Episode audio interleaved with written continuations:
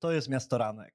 Zapraszam Was serdecznie na rozmowę z architektką, urbanistką, badaczką wobec starzejącego się społeczeństwa, czyli Agnieszką Labus. Także zapytam ją o to, kim będzie senior przyszłości, jak przygotować się mamy my, każdy z nas tak naprawdę, na starość oraz jakie zasady rządzą się w projektowaniu wobec starzejącego się społeczeństwa.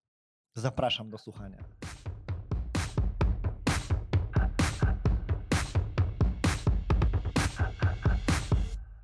Cześć Agnieszka.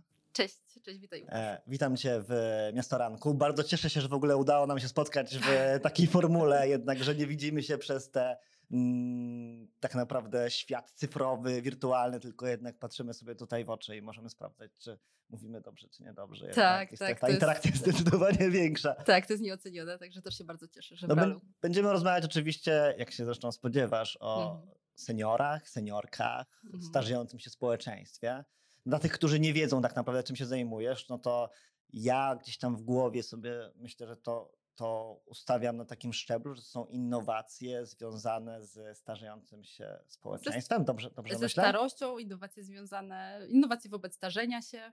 Rzeczywiście tak. To myślę, że um, ten senior i seniorka, to nie wiem, czy chciałabym właśnie rozmawiać generalnie o tym, ale myślę, że to wyniknie też w dalszej części naszej rozmowy o pewnych też redefinicjach może tego słowa albo. Nie, to ogóle... już to teraz, wiesz, bo tak? ja sobie właśnie okay. tej rozmowy, e, po prostu wiesz, odmieniałem słowo senior, seniorka, osoba starsza przez po prostu absolutnie wszystkie mhm. przypadki. Mm.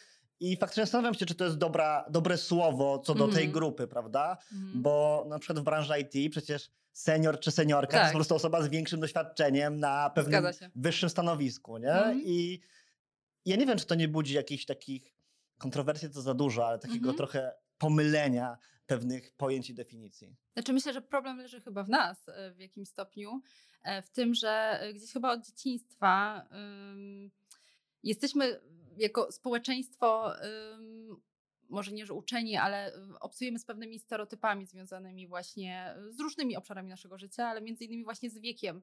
Bo z jednej strony kiedyś um, powiedzmy słowo senior czy sędziwy starzec to rozumieliśmy to też w definicji kogoś doświadczonego, e, kogoś, do kogo można przyjść po poradę.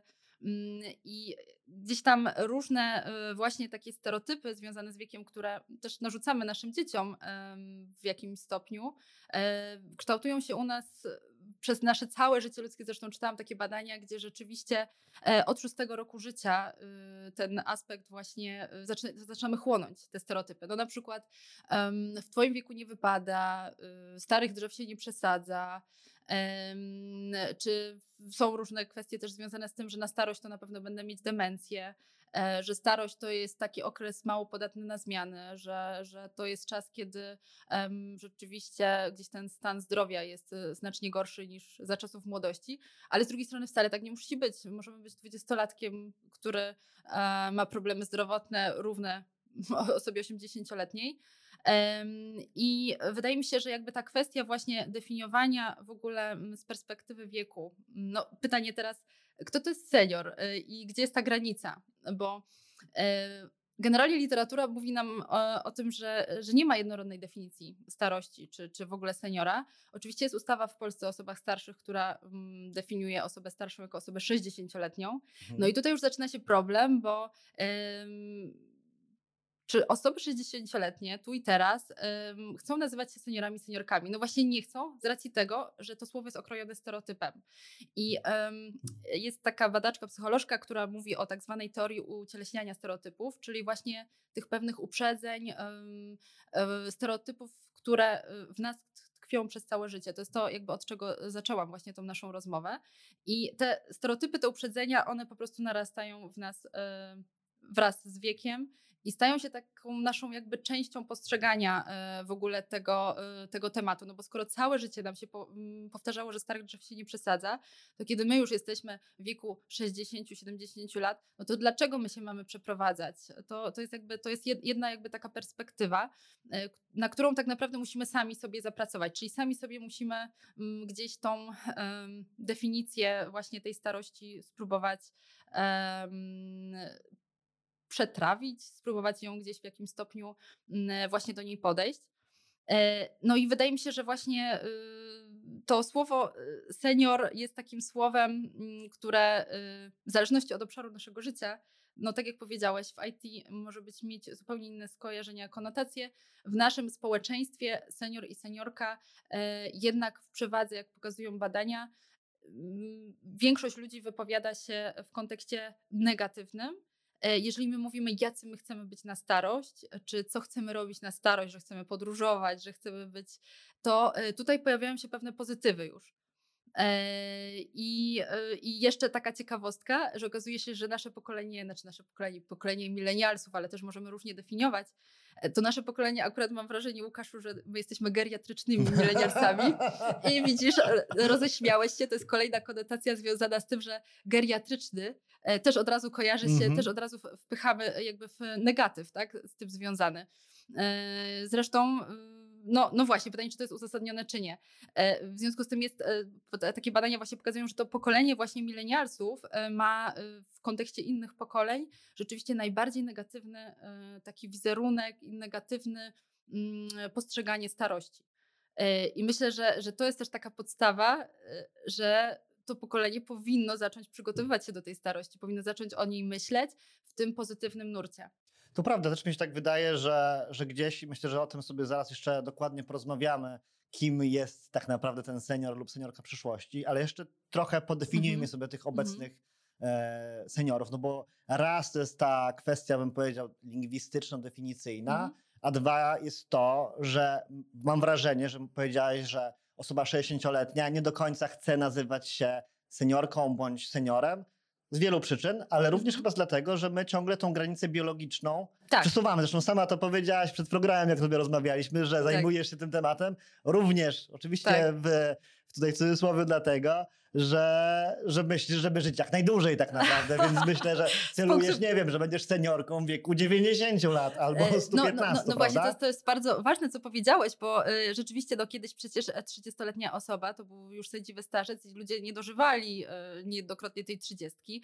Y, a dzisiaj mówimy, że 60 to jest nowa 40 albo nowa 30, y, więc no, rzeczywiście nasze życie się wydłuża i z punktu widzenia biologicznego absolutnie postęp medycyny, nowoczesne technologie, też jakość, e, styl naszego życia powodują, że, że będziemy żyć coraz dłużej. Zresztą badania e, to gdzieś e, definiują, że pokolenie właśnie milenialsów, między innymi pokolenie młodych ludzi od możemy definiować od 11 tak naprawdę do 40 roku życia, e, to jest pokolenie, które już w jednej trzeciej będzie dożywało setki, czy, czy ponad 90 lat, więc e, też o czymś to e, jakby tutaj świadczy, że to nasze życie jednak się wydłuża i że też do tej starości powinniśmy się jednak przygotowywać przez, przez całe nasze życie, a nie tylko w momencie, kiedy um, osiągamy wiek powiedzmy 60, wedle definicji w Polsce już mamy ulgi w różnym zakresie, tak?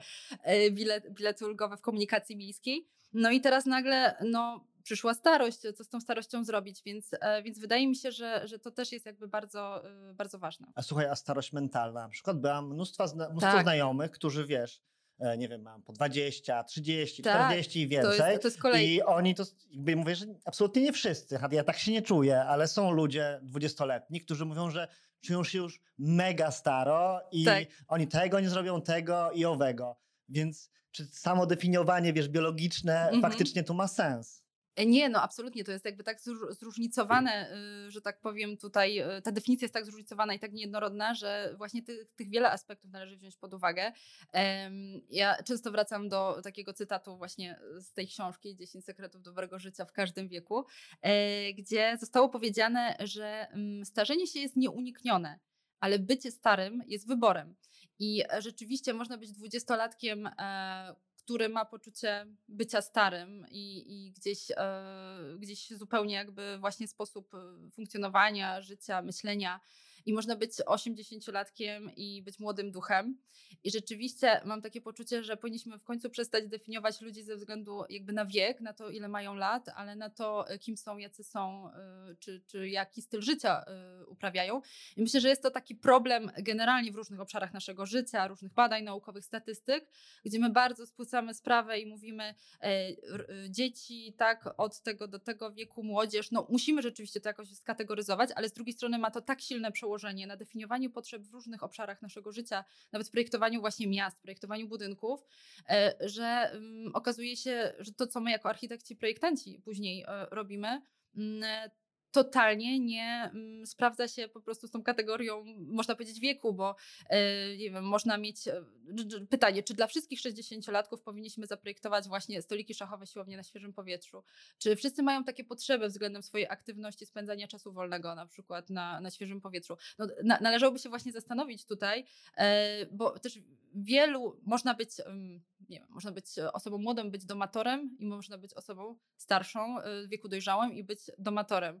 Można być e, właśnie ekstrawertykiem, introwertykiem. Tych cech mamy bardzo wiele i, i myślę, że to właśnie definiowanie ludzi ze względu na wiek jest zgubne, bardzo zgubne i bardzo niebezpieczne właśnie w tym, żeby później dobrze odpowiadać na różne strategie, różne projekty, działania w różnych obszarach naszego życia. Wrzucałem ostatnio na taką naszą grupkę facebookową, ostatnio miesiąc temu, e, twórcy przestrzeni miejskiej, e, artykuł związany z siecią supermarketów w Holandii, która mhm. wprowadza rozgadane kasy. I wiedziałem, że ten artykuł mi się przyda i wiedziałem, że sobie go użyję, jak my będziemy wspólnie tutaj mhm. z sobą e, rozmawiać. No i wiesz, e, myślę sobie, super, jednak to pokolenie starsze jest przyzwyczajone do tego, że, że jednak z kas są, boże, kasjerem bądź kasjerką mhm. się rozmawia. Ja na przykład wybieram te, mhm. te samoobsługowe albo w ogóle wchodzę w świat cyfrowy, ale popatrzyłem sobie na sekcję komentarzy pod tym artykułem mhm. i pojawiały tam się takie głosy, że jednak tych obecnych seniorów powinno się tam również w tych supermarketach mieć osobę prowadzącą je, bo to, mhm. to przecież jest naprawdę łatwa do zgubienia. W sumie się z tym zgadzam, bo ja też się w tych supermarketach gubię, tak. ale dążę do tego, że to wywołało mnie takie myśli, czy faktycznie myśląc teraz o tych osobach starszych, mhm. my nie projektujemy tylko na krótką chwilę, mhm. bo to się zaraz zmieni, bo zaraz mhm. przyjdzie nowe pokolenie i zaraz sobie te, o tych pokoleniach dokładnie porozmawiamy, mhm. e, bo mamy kompletnie inne potrzeby, mhm. inne zakorzenienie, i też inną warstwę, nawet tą, o której mówiliśmy na początek, lingwistyczną, tak. prawda? Tak, tak. Znaczy myślę, że y, właśnie powinniśmy zdecydowanie stawiać na różnorodność i e, też na to, że zawsze jest ta, też ta faza przejściowa, bo to też nie będzie tak, że mm, teraz, tu i teraz e, seniorzy potrzebują tego wsparcia e, rzeczywiście w postaci e, kasjerki, a nie, a nie tutaj technologii mówiącej kasy czy, czy bota. natomiast, natomiast zawsze gdzieś jest ja mam takie poczucie przynajmniej, że, że te kolejne pokolenia, one rzeczywiście może nie znają świata bez nowoczesnych technologii, idą z trendami, ale y, często jednak y, pewne rzeczy powodują, że my nie nadążamy jednak za tą technologią. To, to wcale niekoniecznie musi być tak, że mm, osoba dzisiaj, dwudziestoletnia, świetnie posługująca się czy funkcjonująca w social mediach, na wszystkich, że tak powiem, różnych e, opcjach, jakby różnych platform technologicznych za te 40 lat e, a może i więcej, powiedzmy 50 lat, y, nie będzie z jakiegoś powodu y, czuła się wykluczona albo nie nadążała. Ciężko też powiedzieć, prawda? Bo Ciężko... technologia jest na tyle krótka, to tak, najnowsza. Ale że myślę, że znowu może będzie przyszłe. technologia wspierająca technologię. może tak, może tak, może jakby, tak. Jakby tu, tu, tu, przekładanie tego. Także y, ja, ja myślę, że najważniejsze jest to, żeby potrafić właśnie dobrze zidentyfikować, z jakimi potrzebami użytkowników mamy do czynienia, e, bo zdajemy sobie sprawę, że przecież zakupy robią i funkcjonują osoby 80-90-letnie, ale też osoby 40-30-letnie, które również e, w jakimś stopniu, one oczywiście statystycznie wedle grupy wiekowej e, może być mniej takich osób, które będą wykluczone pod względem technologii, ale mogą mieć na przykład jakieś dysfunkcje, które też uniemożliwiają im skorzystanie z tej technologii akurat konkretnej, bo pytanie, czy ta technologia rzeczywiście dla osób, y, y, no nie wiem, z, jakimś, z jakimiś schorzeniami, czy, czy w ogóle jest czasami, y, jesteśmy różni po prostu, pod różnym względem. Niekoniecznie musimy mieć jakieś schorzenie, żeby coś było dla nas właśnie, żebyśmy się czuli zagubieni gdzieś w jakiejś sytuacji. Więc jakby ta obsługa w postaci tej, tej osoby, która wspomoże czy wesprze w danej sytuacji, myślę, że dotyczy różnych po prostu grup i, i to niekoniecznie właśnie musi być osoba 80-letnia. Po prostu możemy my też potrzebować tej pomocy. To porozmawiamy sobie o tych e, różnych grupach, ale o tych różnych grupach, kategoriach właśnie przyszłych, przyszłych seniorów. No bo mhm. tak naprawdę obecne pokolenie seniorów myślę, że mamy dość dobrze zbadane i zmapowane, no ale jest jeszcze pokolenie X, Y, Z, tak? Mhm. Pokolenie X za już za krótką chwilę, tak mhm. tak naprawdę wedle tego kryterium wieku będzie mhm. wchodzić ten wiek, wiek mhm. senioralny. Milenialsi Mhm. To jest kompletnie inna para kaloszy. Mhm. Na pokolenie Z to myślę, że to jest w ogóle odstrzał, odstrzał totalny. Mhm. Czy my jesteśmy w stanie sobie przewidzieć w jakiś sposób, jak te grupy się będą zachowywać, jakie będą mieć potrzeby? Czy to jeszcze absolutnie nie jest ten etap? No, wydaje mi się, że te X już być może mhm. tak, nie? Ale... To znaczy, ja mam wrażenie, że rzeczywiście w obszarze na przykład e, rynku e, e, konsumpcji, czy, czy, czy w ogóle w takim obszarze właśnie, gdzie próbujemy definiować potrzeby klienta, właśnie style życia, to na przykład są takie metody, jest taka metoda Sinus Milios, to jest opatentowana niemiecka metoda, która definiuje style życia przyszłych, można powiedzieć właśnie teraźniejszych i przyszłych użytkowników względem zakupu pewnych produktów czy mhm. usług. Mhm. I i tam definiowane są różne grupy: konsumpcjoniści, postmaterialiści, elita z wyższym wykształceniem. To, to bardzo gdzieś tam e, specyficznie brzmi, ale jednak e, nie definiują oni ludzi ze względu na wiek, ale ze względu na właśnie pewne potrzeby. E, I z jednej strony, jeżeli pytasz mnie, czy my jakby tutaj mam jakieś szeroko zakrojone badania w tym zakresie, spłycając, jak, jacy będą, jakie te pokolenia X, Y, Z będą na mhm. starość, to no ja, ja konkretnie nie znam takich badań w Polsce, które by w tym kontekście były mm, przeprowadzone. A na świecie? Na, na świecie zdarzają się już artykuły rzeczywiście naukowe, które gdzieś tam e, mówią o e, pewnej perspektywie, ale również nie w obszarze, powiedziałabym, dziedziny, którą ja się zajmuję, tak? mhm. tak? Czyli w, tak jak mówię, czy to mówimy o marketingu, czy to mówimy właśnie o definiowaniu tych potrzeb nieprzestrzennych, bo, bo mnie to gdzieś tutaj najbardziej interesuje, czyli jakie przełożenie te przyszłe potrzeby będą miały na, na przestrzeń, jeżeli chodzi o... Ale to jest, e... wiesz, bardzo ciekawe wyciągać wnioski z tych właśnie analiz, które są absolutnie I przekładać na przestrzeń. I przekładać na tak, przestrzeń, bo tak, to, no, to jest właśnie pole będzie... do popisu e, dla badań tutaj właśnie w Polsce. E, I, e, I tutaj poza powiedzmy projektem też, który, który gdzieś tam też na etapie doktoratu rozpoznawałam, IBA właśnie wykorzystała tą metodę Sinus Mileus i był stworzony taki projekt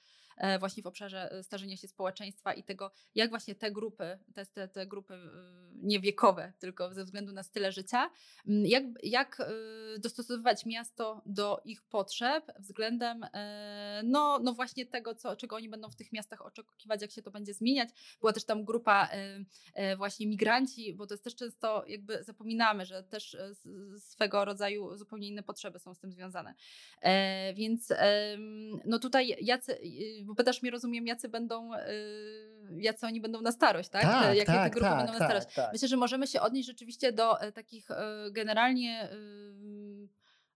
oceny tych potrzeb, jacy oni są dzisiaj, w perspektywie tego, że będą się różnić tak naprawdę w perspektywie kolejnych lat. No na przykład te pokolenia, po pierwsze, no, nie znają świata bez tych nowoczesnych technologii, czyli chociaż e, my jeszcze właśnie to pokolenie tych geriatrycznych milenialsów, jak to zostało nazwane, e, to my jesteśmy, wydaje mi się, takim jeszcze pokoleniem z pogranicza e, znającym w dużej mierze jeszcze te wszystkie, można powiedzieć, analogowe kwestie i e, już też te wirtualne. I to nam też trochę daje przewagę taką w zakresie właśnie pewnej innowacji, pewnego takiego podejścia, świeżego spojrzenia na pewne e, tematy. E, no to pokolenie na pewno w dużej mierze jest takim pokoleniem, które mm, widzimy, że mm, ta, ta że zresztą też, też mówi się o tym, samotność jako bolączka XXI wieku, które poprzez i właśnie wykorzystywanie tych nowoczesnych technologii, ale też e, taki chyba sposób e, życia, funkcjonowania. Wiemy, że to są pokolenia, które niechętnie zawierają na przykład małżeństwa, czy zakładają rodziny, niechętnie, e, znaczy niechętnie, dużo częściej zdarza się, że są, nie wiem, po rozwodach, czy są samotni z wyboru. Te pokolenia wcześniejsze to, to jakby doskonale wiemy, że um, często właśnie i te stereotypy, i te konwenanse powodowały, że niektórzy tkwili na przykład no, w no, długoletnim... polska tak, tak. socjalizacja, tak. prawda? Że tak. nie mieć żony, nie mieć męża, to absolutnie tak, nie może się tak. wydarzyć. To już w ogóle stara padda i stary kawaler. Więc jakby już to, tego, tego pokolenia już to jakby już przestaje też to dotyczyć i mam też wrażenie, że już nawet trochę te hasła stary kawaler, stara panna, że to też już trochę do lamusa odchodzi i to jest do, dobry, pozytywny trend. Tylko tak naprawdę u swoich dziadków albo no, tak, starszych tak, właśnie, jest, jesteśmy w stanie tak, to usłyszeć, prawda? Że tak, u, tak. gdzie twoja dziewczyna Ale już między naszym, e, naszym pokoleniem nie. To już absolutnie tak. to nie istnieje. I to, to jest jakby właśnie też ten, ten postęp, ten rozwój, który w tym zakresie e, przechodzimy też jako społeczeństwo. E, I no myślę, że też to jest takie pokolenie, które właśnie stosunkowo długo, jak się okazuje, ja tutaj akurat odnoszę się głównie do pokolenia właśnie milenialsów, ale oni też są różnie definiowani, taka jest prawda. Dłużej na przykład mieszka z rodzicami, też nie jest nastawiony na aspekt własności, jest bardziej mobilne. E, więc jakby te, te aspekty mobilne, ale w zakresie i mobilne, bo dużo więcej jeździ po świecie i jakby są też te możliwości, ale też mobilne w kwestii w ogóle miejsca zamieszkania. E, czyli statystycznie przez e, swój, swoje życie dużo częściej zmienia to miejsce zamieszkania. Tak samo dużo częściej zmienia pracę jest w stanie y, gdzieś tam też y, lepiej wychodzić, czy bardziej wychodzić poza swoją strefę komfortu, tak?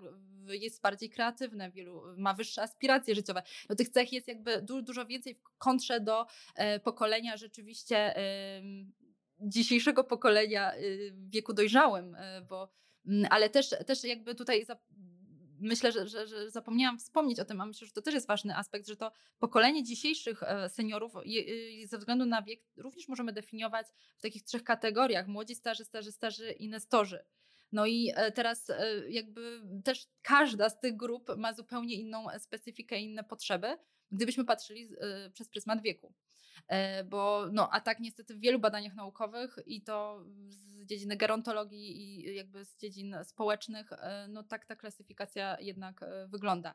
Więc e, wydaje mi się, że, że tutaj ten czas i ten, ten jakby postęp, rozwój i, i to, że te nasze pokolenia mm, będą kiedyś osiągną, no właśnie, pytanie, tą starość taką biologiczną, E, bo tą mentalną to już powiedzieliśmy sobie, że to jest zupełnie jakby inna e, kwestia, e, to, to myślę, że to jest też kwestia właśnie odpowiedniego przygotowania się do tego w odpowiedzi na to, jacy my też jesteśmy dzisiaj, bo jakby przewidując też przyszłość, czy to, co może się zadziać, oczywiście mamy wiele takich metod, ja nie jestem futurolożką, ale ale też tym aspektem przyszłości w ostatnim czasie dosyć mocno się zajmuję. E, więc oczywiście mamy metody foresightowe, mamy kwestie w ogóle badania mm, na przykład mm, w ogóle z trendów i z tendencji, które właśnie e, funkcjonują z badań naukowych. Jesteśmy w stanie e, wyciągać wnioski co do tego, jak tą przyszłość możemy kreować i możemy ją kreować w perspektywie różnych scenariuszy, bo nie ma jednej przyszłości. Tych przyszłości być, może być bardzo wiele i ktoś może też powiedzieć, że, że ta że, teraz mi wątek uciekł, przepraszam, ale, ale tak, teraz mi wątek uciekł, e, że ta starość może być, no tak naprawdę, e, już wiem, wróciło, e, że ta starość może być no naprawdę różna, my nie jesteśmy w stanie tego przewidzieć, czy ta starość e, będzie w zdrowiu, jak, czy, czy będzie e, aktywna, e, ale możemy na przykład żyć w nurcie tak zwanej pozytywnej starości. I co to znaczy pozytywnej starości? My nie jesteśmy w stanie tego ocenić na pierwszy rzut oka z wyglądu zewnętrznego, czy ktoś się pozytywnie starzeje, czy się negatywnie starzeje. Właśnie w tej książce jest bardzo fajnie opisana, mm, opisany przykład, dwa przypadki. Fijus Y, Sana, tak dobrze mówię? Y, pierwsza osoba, która, która maraton y, przebiegła w wieku 100 lat. I Stephen Hawking, czyli wiadomo, geniusz fizyk kilka lat temu zmarł. Pokazane są dwa zdjęcia i pytanie, kto się pozytywnie starzeje. Czy ktoś się pozytywnie starzy, starzał. E, I nie jesteśmy w stanie tego jakby na tej podstawie ocenić, bo może być bardzo różnie. Natomiast e, jakby kwestia wyznawania pewnych wartości, e, właśnie pewnych przekonań, zachowań, o tym świadczy jakby to, że jesteśmy w nurcie tej pozytywnej starości. Stephen Hawking pokazywał nam, że w obszarze, znaczy w kontekście choroby, która go dotykała, jak bardzo przekraczał swoje granice i jak mam takie wrażenie, że jak na niego nie patrzę, znaczy nie wiem, może to jest moje takie przekonanie, ale ja nigdy nie patrzyłam na tą osobę przez pryzmat wieku, czy tego, że on jest seniorem. Ale ja dokładnie mam tak samo z nim, że dla mnie to tak. jest pełni pozytywna starość, tak. prawda? Bo tak.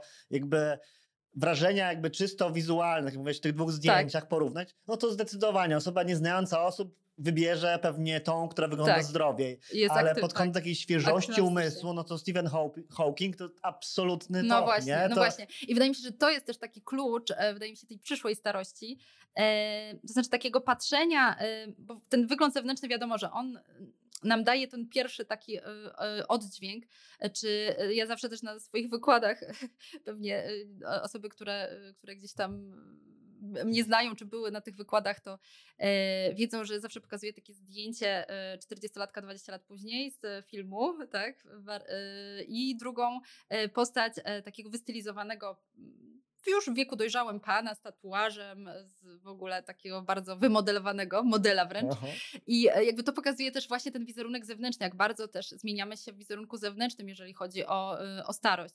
Więc to jest też fajne, że często właśnie mm, gdzieś nie patrzymy, przestajemy patrzeć. To jest myślę, że ten proces, przestajemy patrzeć na, e, na ludzi, że ten wizerunek zewnętrzny jest na tyle nowoczesny, na tyle um, idący z postępem, duchem czasu, że nie widzimy w nich e, w ogóle tego wieku, nie? Czy, czy, czy jakby tego, czy ktoś, nie definiujemy ich tak, nie patrzymy na pierwszy rzut oka, a to jest senior, seniorka, tak? Czy to jest osoba już dajemy sobie łatki, a czyli mało podatna na zmiany, mało nowoczesna, mało mobilna, y, no trochę tak jest, że, że jakby też ten wizerunek zewnętrzny ma jednak wpływ na nasz odbiór i, i właśnie na te stereotypy, które, y, które dajemy. Więc e, życzmy sobie tego, żeby właśnie co, coraz częściej, żebyśmy jakby nie byli definiowani e, pod tym kątem, tylko pod kątem naszej osobowości. A to w ogóle a propos wszystkich stereotypów, prawda? Że a propos są, wszystkich stereotypów. One są tak, ale no, no jakby tu mówimy w, w, ko w kontekście rzeczywiście wieku, a myślę, że stereotypy też związane z wiekiem, mówimy o, o ageizmie tak zwanym. Mhm. I myślę, że to też jest teraz taka, taki ważny trend i, i ważny topowy temat, nawet na poziomie jakby Unii Europejskiej, Komisji Mm, gdzie y, rzeczywiście mocno stawia się teraz na, na ten aspekt, żeby te stereotypy właśnie związane z wiekiem y, starać się je y, może nie wiem, czy to dobre słowo, eliminować, ale chyba tak. Chyba tak, redukować, tak. zmniejszać. Redukować, e, tak. to, to, to, wiesz, ale bo to jest to, co powiedziałeś o przyszłych seniorach, że jest mnóstwo tak naprawdę przyszłości i to mnie zastanawia, bo z jednej strony mamy to obecne planowanie i projektowanie w kierunku seniorów mhm. i seniorek i jakby to jest praca na żywym organizmie trochę, mhm. bo dobrze wiemy, jacy oni są. Ale. Mogę ci przerwać? Tak, no, śmiało. Ale no właśnie, bo my tutaj już na samym początku stawiamy jakby. Mm, y, źle się do tego odnosimy, bo mówimy, że planujemy dla seniorów i seniorek. Mhm. Czy coś robimy dla seniorów i seniorek. Gdybyśmy robili coś e, wobec starzenia się i starości, to dotyczyłoby to wszystkich grup niezależnie y, od wieku. Ale to jest to dokładnie, co chciałem też A, zapytać, okay, czyli sorry. nie, nie, nie, nie przepraszam, absolutnie, bo wiesz, e, zauważyłem to w, twojej, w twoim kolektywie, czyli mm -hmm. era nowej starości, mm -hmm. że sobie robicie takie selficzki, gdzie się, gdzie się wizualnie tak. e, starzejecie tak. i mówicie o tym głośno, że trzeba przygotować się na starość, mm -hmm. że to mhm. jest pewien proces. Tak. I my sobie przed naszym programem na Instagramie strzeliliśmy taką szybką ankietkę, kto się e, boi starości, a kto mhm. nie. Wyszło, że więcej osób boi się starości. Wiadomo, że to nie jest żadna mhm. reprezentatywna grupa, ale Nie no, w tej wyszło, książce też to tak Ale ja tak sam się boję starości. Mhm. Wiesz, i zastanawiam się, czy ja na przykład, jako jakaś taka figura tak naprawdę retoryczna, e, jest w stanie przygotować się właśnie na starość, skoro ja czasami nie wiem, co będę robić za dwie godziny. Wiesz, to jest jakby abstrakcja, trudny, abstrakcja raz, a dwa temat, jak to z tematami, których się trochę człowiek boi i trochę do nich mhm. niechętnie podchodzi, że jednak próbuje myśleć, a będzie to będzie. Zamiatamy pod dywan. Tak, tak, tak. tak, znaczy, tak. Temat tabu, zamiatany pod dywan i tak dalej. Znaczy ja mam takie y, poczucie, że my boimy się tego, czego nie znamy i co dla nas jest jakieś, powiedzmy, nie, nieprzewidywalne, um, też właśnie okrojone stereotypami, więc wzrastamy w tym przez całe życie, że tego należy się bać. Boimy się też tego dlatego, ponieważ e, starość jako um, w cyklu życia człowieka jest to ostatni etap, który kończy się śmiercią. I to jest kolejny temat tabu, który um, no też jakby nie, w ogóle nie myślimy o tym, tak, że nasze życie kiedyś może dobiec końca, Chociaż jak e, tutaj pan profesor Sinclair, e, profesor genetyki, mówi o tym, że starość to jest choroba i wymyślimy na nią lekarstwo i będziemy długowieczni. Więc e, jakby różne są też sposoby podejścia i myślenia o tej tematyce i, i wydaje mi się, że to jest jakby kwestia przede wszystkim tego, że my się, my się tego boimy. I, i znaczy my się tego boimy, bo, bo tego nie znamy. Więc to jest jakby taki główny, główny nurt. Natomiast powiem tak, gdybyśmy jakby też zmienili trochę perspektywę patrzenia na to, y, co możemy zrobić, żeby być długowieczni? No bo skoro boimy się tego, że kiedyś to nasze życie się skończy, no to co możemy zrobić, żeby jak najdłużej, to też nie chodzi o taką wydłużenie swojego życia, żeby go wydłużyć, tylko chodzi o jak najlepszą jakość tego życia, żebyśmy rzeczywiście mogli jak najdłużej być e, aktywni, zdrowi e, i na to mamy absolutnie wpływ.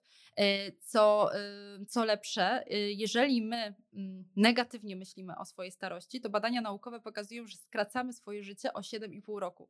Więc myślę, że to powinno dać do myślenia, że jednak warto, warto się zastanowić i warto w tym pozytywnym nurcie, warto poznawać w ogóle ten temat, warto poznawać siebie, warto bo jakby mówiąc o starości, mówimy o różnych obszarach naszego życia. Mówimy o diecie, mówimy o e, zdrowiu, e, mówimy o aktywności fizycznej. E, przecież aktywność fizyczna wpływa na to, że będziemy po pierwsze właśnie dłużej żyć, że będziemy dłużej aktywni, czy, czy kwestie na przykład, no właśnie, z, z trybem funkcjonowania, z trybem życia ze snem. Oczywiście to wszystko brzmi tak, że mm, żebyśmy też nie popadli w jakąś obsesję jakby z, to, z tym związaną, ale myślę, że my mamy realnie wpływ na to, czy to nasze życie, czy ta nasza starość będzie właśnie pozytywna, czy, czy, będzie, y, czy będzie taką starością, do której się właśnie nie przygotujemy fizycznie, ekonomicznie, mentalnie, e, również, również w obszarze, bo tutaj mówimy na przykład o przygotowaniu naszych miast, budynków czy, czy, czy, czy wnętrz nawet. Ten temat dotyczy jakby każdego aspektu e, naszego życia. I gdybyśmy jeszcze też popatrzyli na ten e, temat, bo to też jest jakby rzecz, o której właśnie nie mówimy w takiej perspektywie. E, niektórzy myślą o swojej przyszłości, niektórzy nie myślą o swojej przyszłości, ale często myśląc o swojej przyszłości, my myślimy właśnie o tych podróżach, o jakichś co tam będę robić na przykład za te 10 lat. Dobrze jest jednak planować. I, i często jakby właśnie myślimy o tej, o tej przyszłości w kategoriach jesteśmy tu i teraz i przenosimy się w tą przyszłość. Ale to jest jednak pewien, pewien proces zmian, który też u nas nastąpi. E, I mało kto myśli o tej przyszłości jako o starości. No przecież jak my tutaj siedzimy, gdybyśmy się przenieśli w czasie za 40 lat, e, no to ta, y, no to ja będę miała 75. to faktycznie z tego zdjęcia, to już tak, myślę, że tak, jakieś tak. podobieństwa poza się tym, znajdą. Poza tym, a propos tego zdjęcia, no myślę, że to jest też kwestia oswajania e, z tą mhm. e, tematyką i e, mówienia nie o takiej starości, czyli mówienia też nie o takim wizerunku zewnętrznym, gdzie na siłę Oczywiście jest medycyna estetyczna, mm, jest, to jest troszeczkę też takie uciekanie od, e, od tej, e, tego, od takiej fizyczności, e, z którą wiąże się też starość, bo my też starość jakby właśnie w wizerunku zewnętrznym kojarzymy e, tak zmarszczki, e, no wiadomo, jakieś tam zgarbienie, nie jest to na tyle atrakcyjne, ale zobaczmy też, co się aktualnie dzieje w, w sferze myślenia o m, mm, nawet e, kwestii właśnie starości, jak starość zaczyna przenikać nawet do no, obszaru modowego jak bardzo teraz silver model są na czasie i jak e, no chociażby z większych sieciówek w, takich nie będziemy robić reklamy. Otwieram ostatnio i oglądam sobie rzeczy i nagle wskakują mi na pierwszy rzut modelki w wieku dojrzałym. E, I to mnie tak pozytywnie zaskoczyło, że, y, że ten trend zaczyna powoli właśnie przenikać, ale on musi przenikać w różnych obszarach naszego życia, żeby zmienić ten wizerunek starości, bo chyba o to głównie chodzi. Ale też mi się bardzo podoba właśnie, że wiesz, to jest taka kontra w totalnej przeciwności tego, co się dzieje właśnie na Instagramie, na TikToku, że jednak zawsze trzeba się Wyłuskani. wyłuskać, coś tam sobie poprawić w Photoshopie. To jest kompletnie coś innego, czyli pokazujemy, jak faktycznie, potencjalnie oczywiście, no bo te algorytmy nie są idealne i nie Mhm. będą idealne. Znaczy, ty, ty, ty, ty widziałam właśnie tą relację, dałeś moje zdjęcie w takiej połówce. Tak, to, tak, jest tak. Jeszcze, to jest jeszcze spoko. Ja mam takie zdjęcie z grubej rury na, na Facebooku, gdzie całkowicie, Mhm. to nie jest dokładnie to samo zdjęcie, tylko inne. I tam się trochę przeraziłam.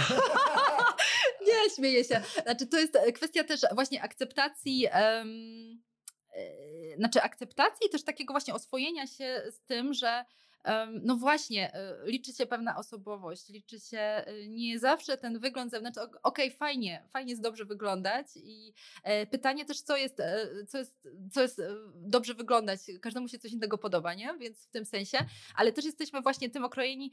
To też em, jedna z pisarek powiedziała, że zmarszczki ordery, e, zmarszczki, e, przepraszam, e, są jak ordery i medale, na które sobie zapracowaliśmy przez całe swoje życie. I, i to jest rzeczywiście, no, niektórzy nie akceptują tego, nie chcą się zmieniać w taki sposób naturalny. Tutaj mamy medycynę, medycynę estetyczną, tak. E, Natomiast no, pytanie, czy to nie jest zatracenie też trochę jakby też swojej osobowości w tym wszystkim siebie. E, A no, to trudno mi też to oceniać, bo jakby każdy ma prawo wyboru do tego, jak chce też do tej starości e, podchodzić i, i jak y, to jest, to jest taka indywidualna sprawa.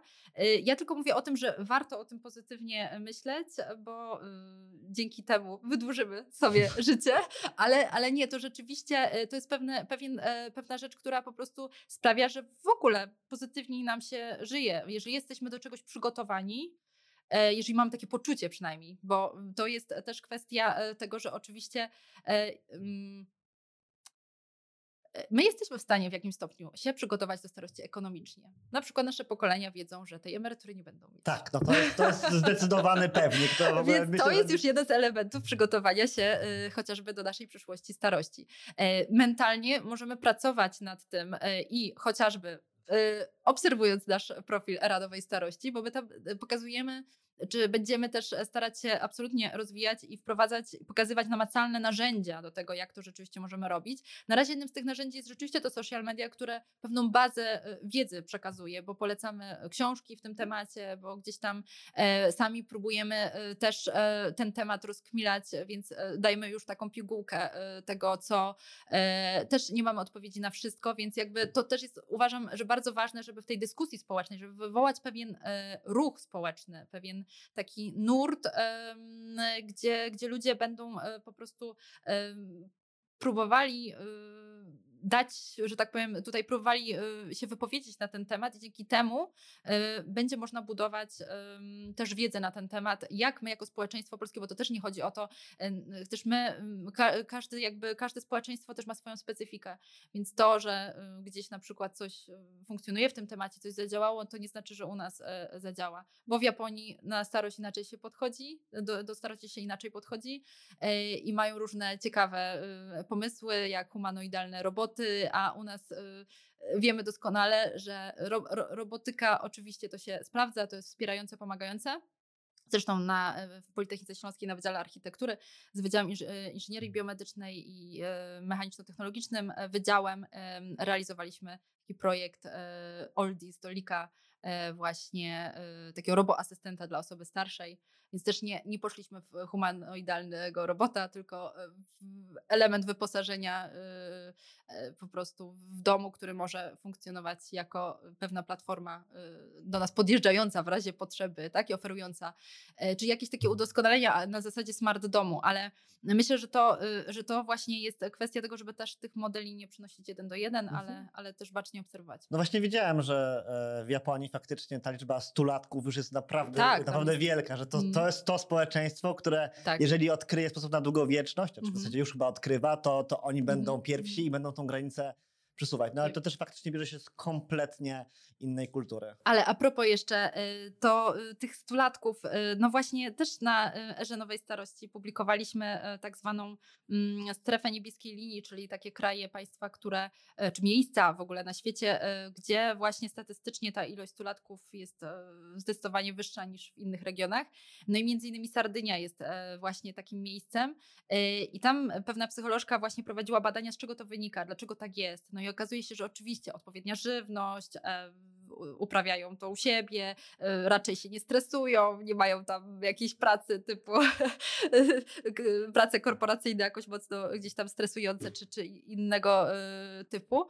E, Natomiast rzeczywiście żyją w pewnych społecznościach, nawiązują więzi, takie relacje międzyludzkie i myślę, że to też jest jeden z elementów właśnie bardzo istotnych w kontrze do tej samotności, która nas gdzieś tam dotyka i, i która rzeczywiście może być mocną bolączką przyszłości, już teraźniejszości, ale i też przyszłości.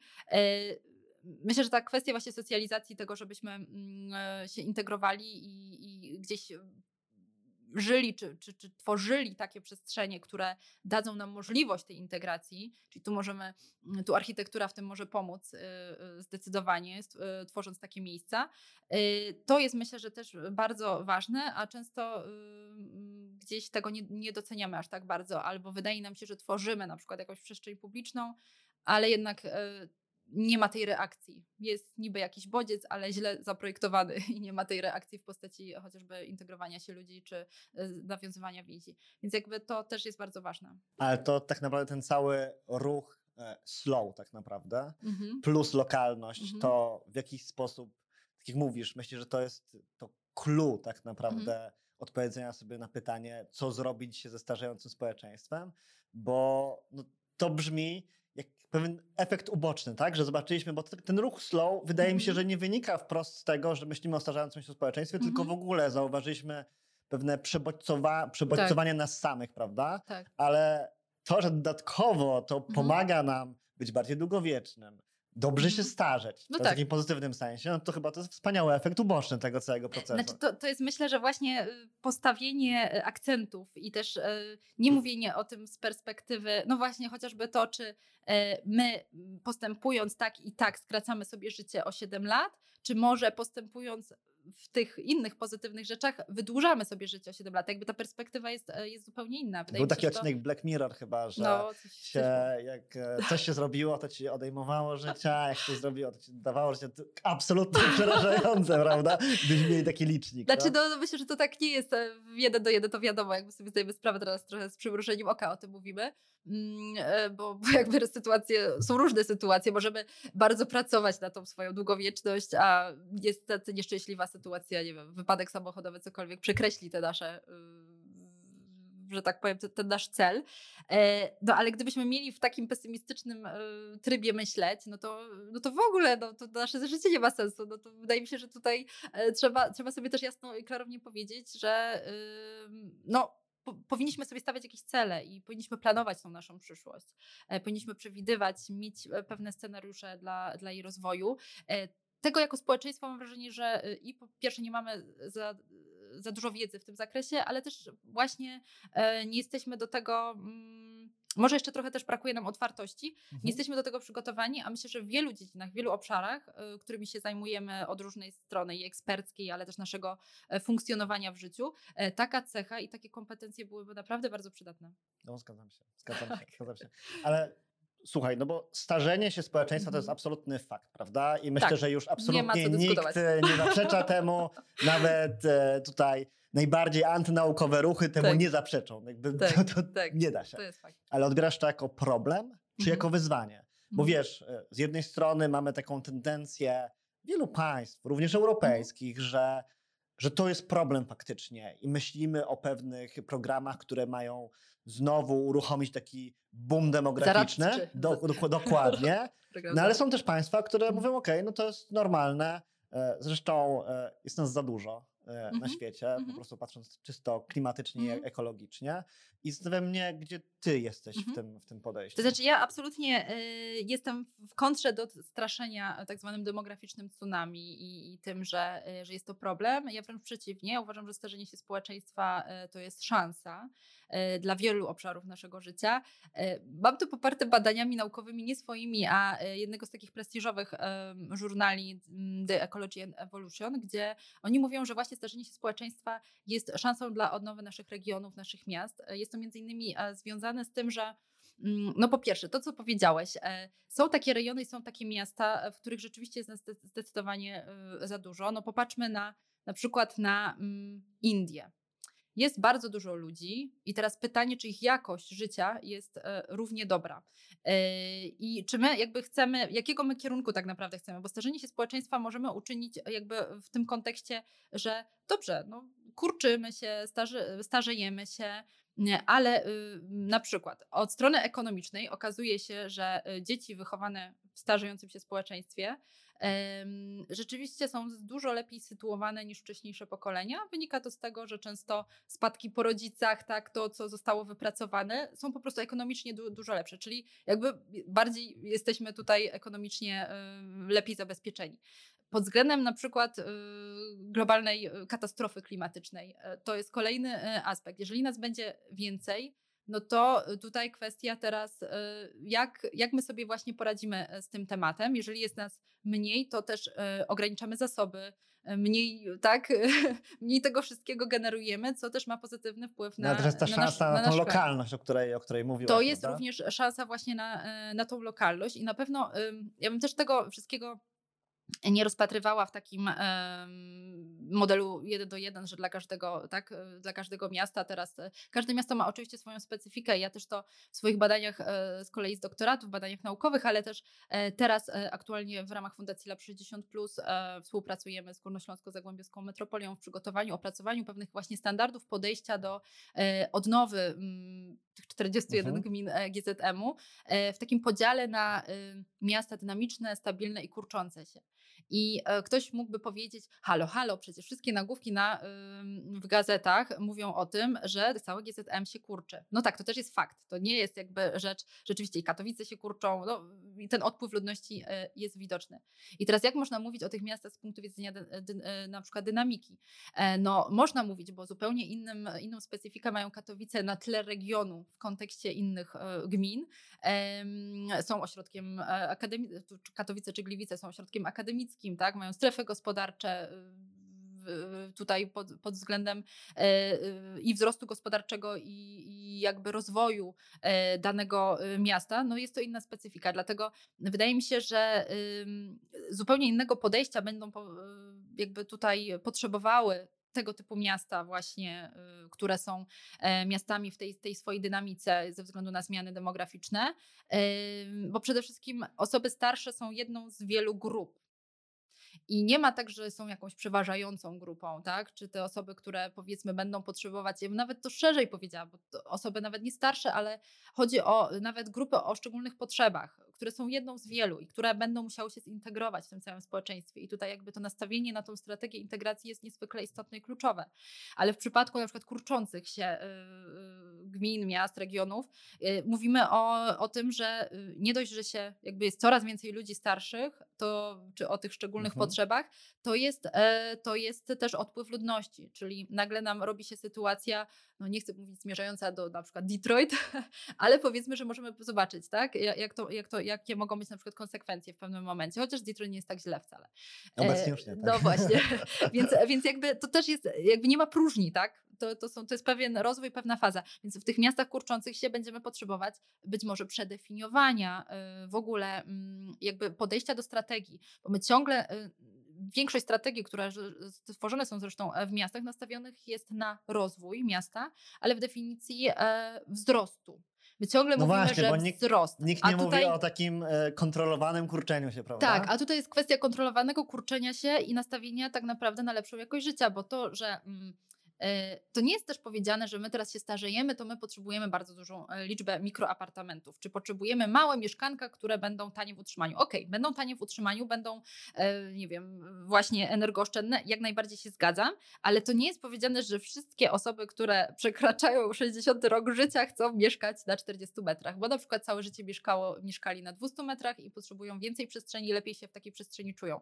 Więc wydaje mi się, że to jest bardzo zindywidualizowane podejście, a my często lubimy właśnie daną grupę wtłaczać do jakiegoś modelu. No ale właśnie Agnieszka, no bo zobacz, bo ja sobie właśnie faktycznie jak myślę o tym projektowaniu się, projektowaniu dla starzejącego się mhm. społeczeństwa, mm -hmm. tak to mogę tak, nazwać? pięknie.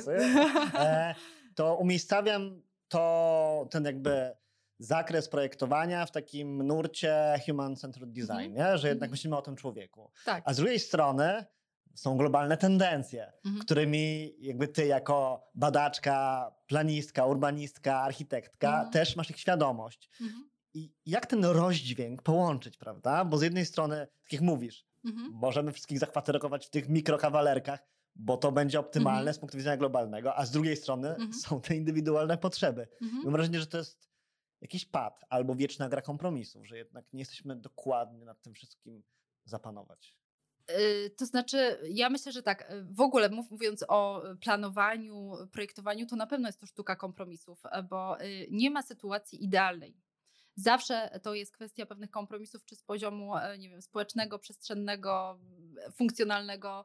E, oczywiście dążymy do jak najlepszego rozwiązania zaspokajającego potrzeby jak najszerszego grona, że tak powiem, użytkowników. I to, co ważne, powinniśmy uczyć się też na wyciągać wnioski, tak? Uczyć się trochę też na tych, no nie chciałabym powiedzieć własnych błędach, e, ale też wyciągać wnioski z projektów, które na przykład e, na świecie się dzieją, czy w Europie i, i starać się e, wypracowywać też własne właśnie rozwiązania, własne modele na, na, na miarę naszych, szyte na miarę jednym słowem.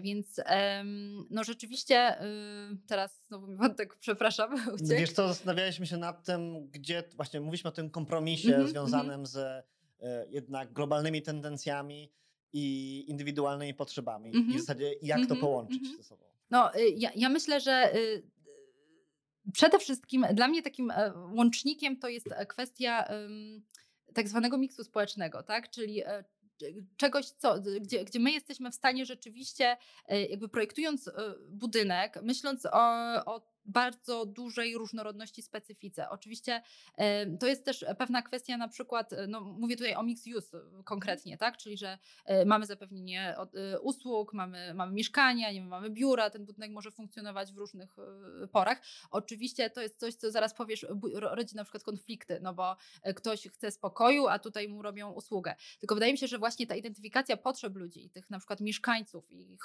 jakby potrzeby wynikające z tego, bo można być w wieku dojrzałym naprawdę i potrzebować e, miasta tętniącego życiem i być częścią tego miasta. I można być e, młodą osobą, która chce przy lesie mieszkać i e, chce, że tak powiem, świętego spokoju. Zresztą wydaje mi się, że, że to jest właśnie cała, cała rola żeby ludzie, po pierwsze, żeby były odpowiednie też kanały komunikacji mówiące, słuchajcie, tutaj jest, są takie mieszkania, ale to się wiąże z tym, z tym i z tym i czy tobie to odpowiada, czy to jest jakby, czy ty to akceptujesz. Natomiast jeżeli ludzie y, też pewnych rzeczy na przykład nie są świadomi, albo jeżeli to się zaczyna tak y, po prostu bardzo zmieniać y, w czasie, nikt nie ma nad tym kontroli i jest to, no to jest, to jest troszeczkę też tak jak akurat kiedyś e, udzielałam takiego wywiadu w kontekście powstawania mieszkań z TBS-u na ulicy mhm. Mariackiej e, dla seniorów. Tak, kojarzę, kojarzę. Tak, jest, e, więc, więc jakby większość osób rzeczywiście mocno mm, jakby bojkotuje ten, ten pomysł, no jak seniorzy na ulicy Mariackiej, która jest uważana za ulicę rozrywkową i wiadomo, znamy temat. Natomiast po pierwsze, jakby uważam, że zawsze należy wniknąć w ogóle w kontekst miejsca i tego, że ulica Mariacka jest ulicą bardzo długą i e, wydaje mi się, że nastawienie też jej na tylko i wyłącznie kwestię takiej rozrywki. No to już ma też swoją. E, no pomijamy, właśnie. jak to zostało zaplanowane, prawda? Tak, ale, ale, ale, ale też jakby te, lokalizacja tych mieszkań dotyczy, dotyczy tej części ulicy, która jest spokojniejsza. W tuż przy kościele. Tuż tak, przy tak, kościele. Tak. Druga rzecz jest taka, że y, osoby, które się tam wprowadzą, nawet jeżeli będą mieszkania stricte właśnie dedykowane seniorom, Chociaż nie jestem tego zwolenniczką, bo uważam, że mieszkania powinny być e, dedykowane, powinny być projektowane e, na cały e, okres naszego życia, czyli myśl e, w ogóle z, zgodnie ze standardami projektowania uniwersalnego i wtedy nie mamy tego problemu, że w danej tkance, w, nie wiem, w danym budynku, na danym osiedlu mówimy, a te dla seniorów, a te już nie dla seniorów, nie? To jest jakby taka trochę właśnie trudny temat.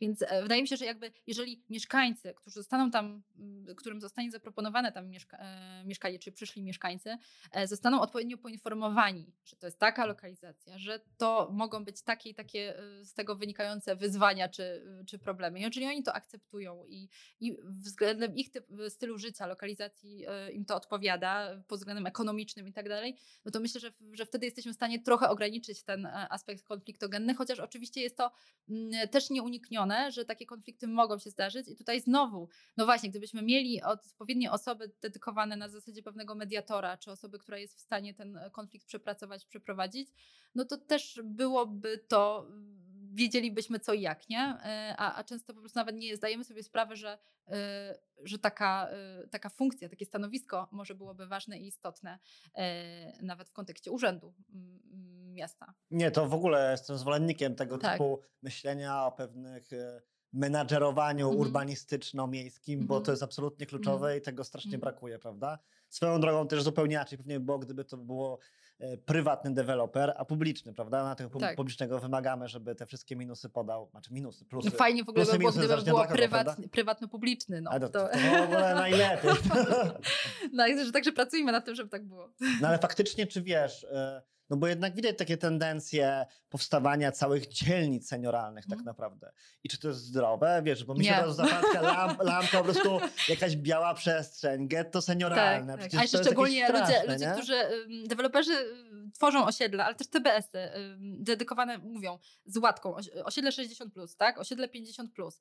I e, niektórzy mówią, ale przecież te mieszkania się rozeszły jak świeże bułeczki tak, ponieważ nie ma alternatywy, tak? Ludzie, ludzie też często, no właśnie nie, nie są e, tego świadomi. Z drugiej strony, e, ja, ja, ja mam takie y, przeświadczenie i też wnioski z moich badań, które realizowałam na podstawie e, pierwszego cohousingu senioralnego dla starszych kobiet w High Barnet w Londynie, pokazały mi, że jeżeli mówimy o skali budynku i ten budynek jest dedykowany pokoleniu 60, plus, e, to mam takie poczucie, że ludzie mają prawo mieszkać jak chcą, z kim chcą, na jakich zasadach chcą, w kontekście powiedzmy takiej skali. Ale jeżeli już mówimy o założeniu urbanistycznym, to też już słynne wioski Sun City w Stanach Zjednoczonych pokazały, że można mieć świetne warunki, e, jak ja to mówię, złote klamki i, i super standard, ale te osiedla, y, to też jest znowu wynik jakby badań właśnie amerykańskich, pokazują, że te osoby czują się tam samotne, że nie wszystkie osoby, y, zresztą te, te osiedla też się starzeją, no one cały czas jakby. To, cały czas się starzeją. To jest czas, jakby no. i niejednokrotnie, y, to jest udowodnione, że, że ten kontakt młodych ludzi ze starszymi, no on jest jakby bardzo wartościowy dla obydwu stron.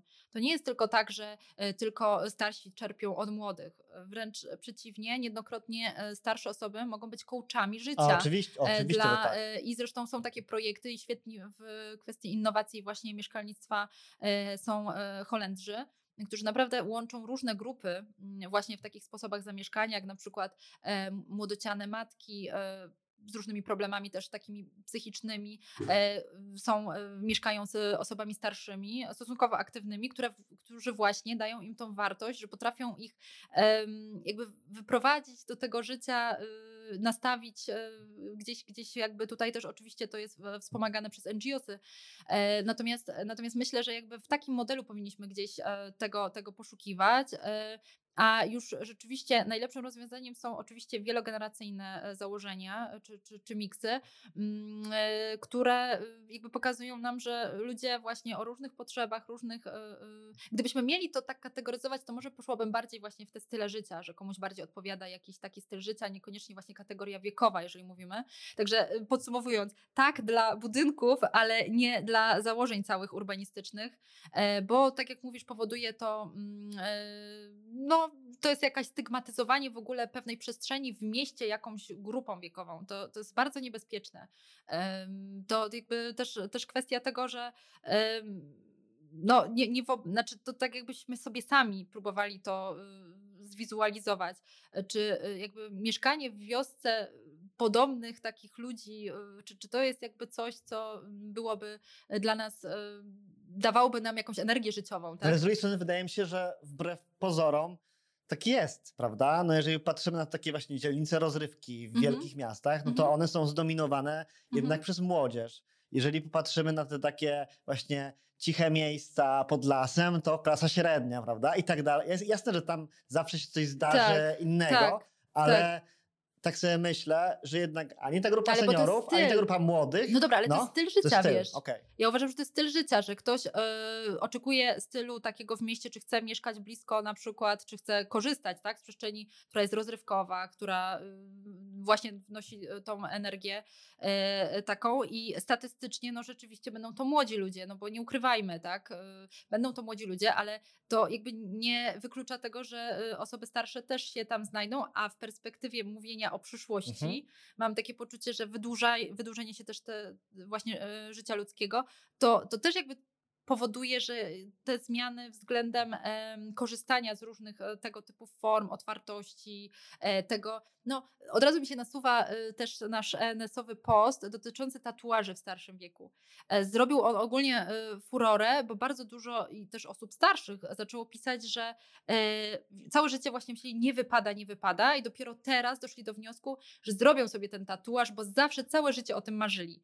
No i właśnie, i, a, a mam wrażenie, że już te nowe pokolenia już nie mają z tym e, problemu, nie? No, Że, że absolutnie coś no. nie wypada po prostu na zasadzie, że więc jakby to, to też pokazuje, y, że korzystanie z tych przestrzeni, które są dedykowane rozrywce i w przewadze korzy- korzystają rzeczywiście osoby młode czy studenci, nie przekreśla tego, że coraz więcej będzie y, osób w wieku 40 plus, powiedziałabym. Ale to mnie bardzo uspokoiłaś. I te, bo ja też oczywiście jestem wielkim zwolennikiem mix-use'ów, mieszania się Dlatego ja wiem, i żeby- tak dalej, ale te style życia to jest takie absolutne słowo klucz, które myślę, że tutaj tak, musi tak. bardzo mocno Tak. wybrzmieć. Ja to bardzo mocno y, y, próbuję też przeforsować, nawet na zajęciach ze studentami. E, Teraz realizujemy projekt e, mieszkaniówki generalnie dużego e, terenu pod zabudowę taką deweloperską w Krakowie.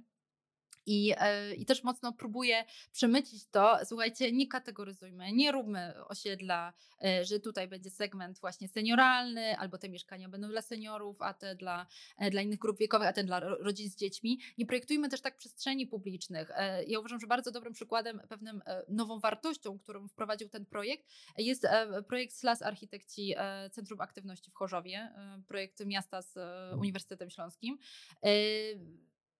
Da się zaprojektować przestrzeń, która będzie y, właśnie ak- y, przestrzenią aktywności, nie y, wskazując, to jest dla dzieci, to jest dla osoby starszej, to jest dla jakiejś tam, nie wiem, młodzieży, tylko y, jakby zlepek tych różnych y, funkcji na tym, można powiedzieć, takiej przestrzeni betonowej i też z różnych innych posadzek.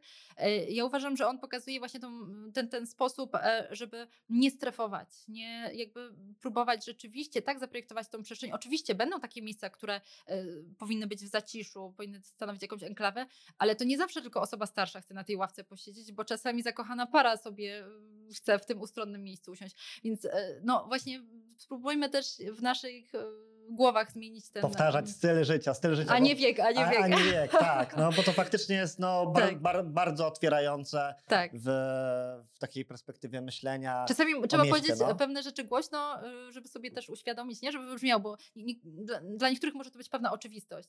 Tylko, że to właśnie nie jest taka oczywistość, ponieważ, e, ponieważ my ciągle jednak wtłaczamy w tą kategoryzację wieku, nie? Ciąg, ciągle jednak e, mamy taki. Mm, Taką łatkę. I, I to jakby. Ja sama się też na tym łapię. To nie jest tak, też z tym, walczę. E, Też staram się, e, staram się właśnie e, tych stereotypów, jakby uciekać też od tych stereotypów albo gdzieś tam je zwalczać. Natomiast no, pomaga mi to na pewno, że się zajmuję tym tematem. No to zdecydowanie. No i myślę, tak, ja mam tak. wrażenie, że w ogóle ten temat jest taki, że on składa się z mnóstwa Tak. wbrew pozorom oczywistych tematów. I to nie jest, wiesz, ja tu niczego tobie nie ujmuję, ale że je naprawdę trudno dostrzec, bo to są te rzeczy, które Niuanse. widzimy. Tak, są te niuanse. tak. I te style życia. Ja, Trzeba, trzeba z dwie ja godziny pogadać, żeby się żeby Żeby- dowiedzieć clue. tak. No ale dobra, wróćmy do, do czegoś szerszego, do bardziej ogólnych, e, ogólnych e, mm, tematów. Bo wciąż mi się wydaje, patrząc globalnie, że Mhm. te takie tematy e, senioralno starzejącego się społeczeństwa są pewnymi działaniami punktowymi, a nie, działa, a nie działaniami globalnymi. Znaczy glo, globa, globalnymi, wiesz, nie chodzi mi tutaj Tak, o na tak, cały świat, tylko o pewne e, pewne Mhm. działania takie zarządczo-strategiczne. I czy to widzisz, że na świecie się to w jakiś sposób zmienia i masz jakieś Mhm. dobre przykłady tego typu? Mhm. No tak, no już w samym e, jakby od strony, można powiedzieć, tutaj centralnej, tak? e, Jeżeli mówimy o pewnych politykach. e, No my mówimy w Polsce o polityce senioralnej. Uważam, że już, e, ja, ja wiem, że tutaj pewnie wyjdę na osobę, która po prostu próbuje język e, polski rozłożyć na czynniki pierwsze, ale uważam, że to zmienia e, sposób e, myślenia, sposób e, w ogóle odbioru. To jest to, co już jakby powiedziałam też wcześniej. Gdybyśmy nazwali poli- y, nie, ten temat nie polityka senioralna, ale tak jak w innych krajach europejskich, y, nie senior policy, ale aging policy, czyli Mhm. polityka wobec starzenia się, to to zmienia po prostu całkowicie postać e, rzeczy, bo na przykład, y, jakie to ma konsekwencje na poziomie nawet lokalnym?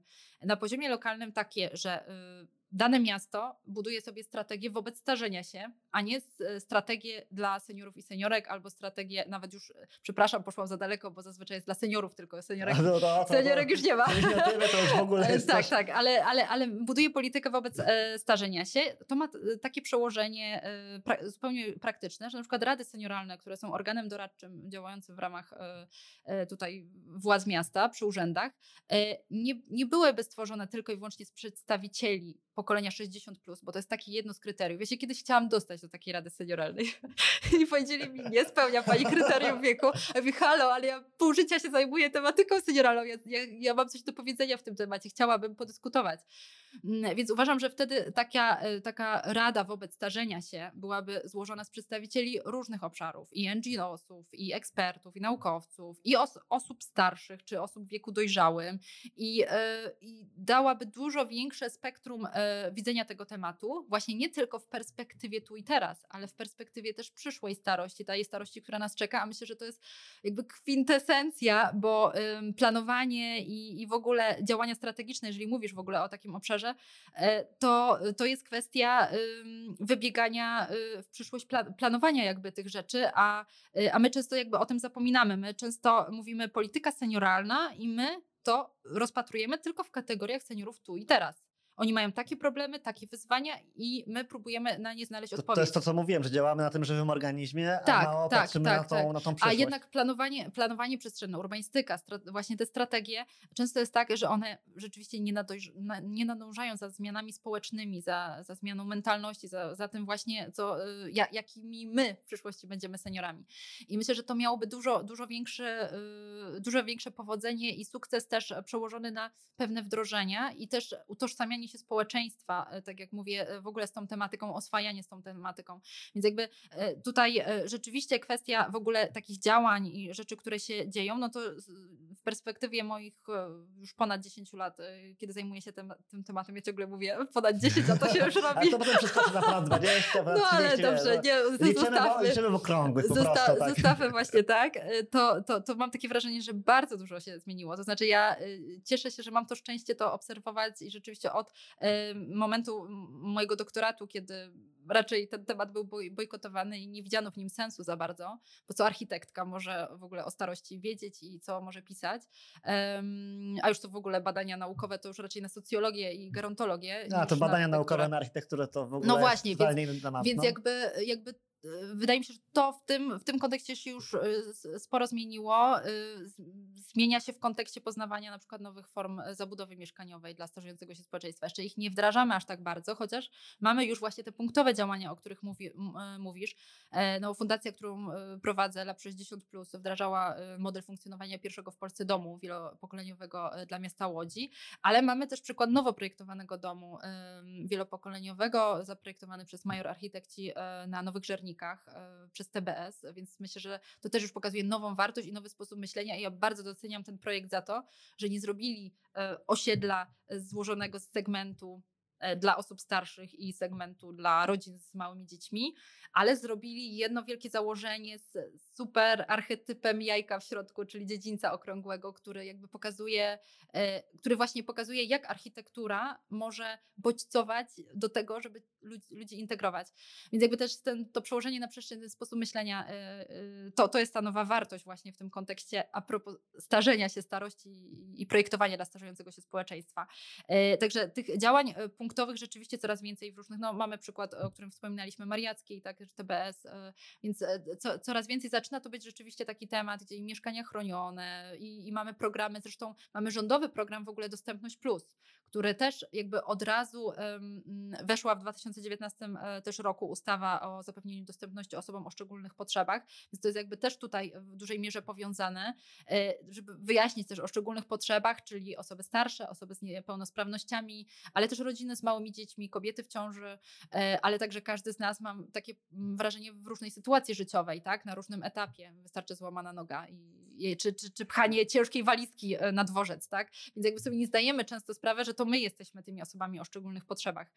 E, więc, więc jakby ta, e, też te zmiany na poziomie centralnym, mm, one otwierają też pewne możliwości, na przykład pozyskiwania grantów na, nie wiem, szpital bez barbier, projekt uczelnia dostępna, czyli jakby te różne funkcje, różne obiekty e, zaczynają powolutku, powolutku gdzieś tam po pierwsze dostrzegać temat, starać się o te granty, szkolić swoje kadry w tym zakresie. E, my teraz e, na przykład też współpracujemy ze Społeczną Akademią Nauk e, właśnie w, takich, e, w takim projekcie Także wydaje mi się, że to y, deweloperzy już y, zaczynają dostrzegać też ten temat. Y, no, w fundacji realizowaliśmy kilka audytów też dla prywatnych deweloperów w kontekście właśnie dostępności, e, co ku mojemu zaskoczeniu okazuje się, że oni widzą bardzo duży potencjał w tym. Niejednokrotnie e, ja myślałam, że zakładając fundację 5 lat temu bardziej będziemy z władzami miasta współpracować, bo to jest taki temat polityki, e, a okazuje się, że potrzeba było 5 lat, żeby, żeby rzeczywiście tutaj z regionem podjąć taką współpracę i, i mamy nadzieję też, że, że z innymi miastami,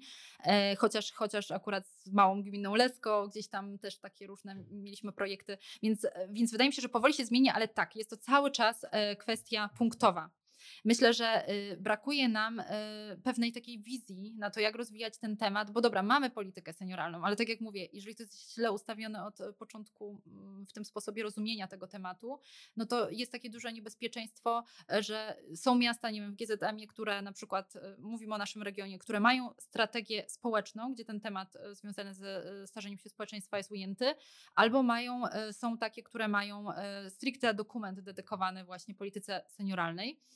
E, natomiast jeszcze jest sporo miast, które w ogóle takich dokumentów nie ma przygotowanych w tym kontekście. I to wydaje mi się, że to też jakby jest warto zwrócić uwagę, że e, jest to ważne wyzwanie, że my za 2060 roku będziemy ze Słowacją e, w ogóle na pierwszym miejscu najbardziej starzejącego się społeczeństwa w Europie, więc już o czymś to świadczy. Dzisiaj jesteśmy na 18 miejscu. Jeszcze niby mhm. cały czas mamy takie poczucie, że mamy czas, mamy czas, ale to jest e, tak dużo zmian i tak, taka, ta, tak dużo e, działań, które powinny zostać podjęte w tym kontekście, e, że no i tak już jesteśmy trochę do tyłu. więc powinniśmy jednak mimo wszystko priorytetowo ten temat zacząć traktować i powinniśmy go też mm, jakby to też było założenie y, w ogóle, y, kiedy, kiedy y, Lab 60 Plus zakładałam, że ten temat ma tylko i wyłącznie sens wtedy, kiedy mówimy o tym zagadnieniu e, od właśnie ogółu, od skali makro, polityk, działań, strategii, przez e, zagospodarowanie terenu, jeżeli mówimy o tym aspekcie przestrzennym, tak, e, przez zagospodarowanie terenu, przez projektowanie budynków, wnętrz, a nawet designu, tak, to, to jakby to musi, to musi iść od ogółu do szczegółu. A myślę, że w tych obszarach y, miasta takiego przyjaznego starzeniu się, to, to mamy osiem takich obszarów według y, Światowej Organizacji Zdrowia, czyli mieszkalnictwo, transport, nie chcę ich wszystkich wymieniać, mhm. ale y, to są obszary, które, które rzeczywiście jakby mamy gotowca, możemy się nim posłużyć. Ja nie mówię, żeby robić na przykład ten temat jeden do jeden, bo może u nas jeszcze w skali naszego miasta jest obszar, który powinniśmy szczególnie wydobyć, albo który ma tą pewną specyfikę. I gdybyśmy na kwestie transportu, na kwestie mieszkalnictwa, na kwestie przestrzeni publicznych patrzyli z punktu widzenia tego, e, jakie zmiany powinny, e, powinny, powinniśmy wprowadzić w perspektywie związanej ze starzeniem się, czy wobec starości. Specjalnie nie mówię dla seniorów i seniorek, bo nie o to chodzi, e, to, to wydaje mi się, że y, widzielibyśmy wtedy, co taką jakby cegiełkę, jakby z innego punktu widzenia popatrzylibyśmy na, na ten aspekt, nie? I jakby udoskonalilibyśmy ten obszar. Więc wydaje mi się, że, y, że to jest jakby też tutaj bardzo ważne, żeby zmienić sposób myślenia o tym i wtedy e, te działania strategiczne, one będą miały sens. Jeszcze wracając do tego domu wielopokoleniowego w Łodzi, no właśnie zdarzył się taki jeden projekt, a ja y, uważam, że on miałby dużo większy sens, gdyby takich domów wielopokoleniowych systemowo powstało e, w całym mieście. I oczywiście już nie mówię jakby tutaj w ogóle o e, promowaniu tej idei e, w ogóle w naszym kraju.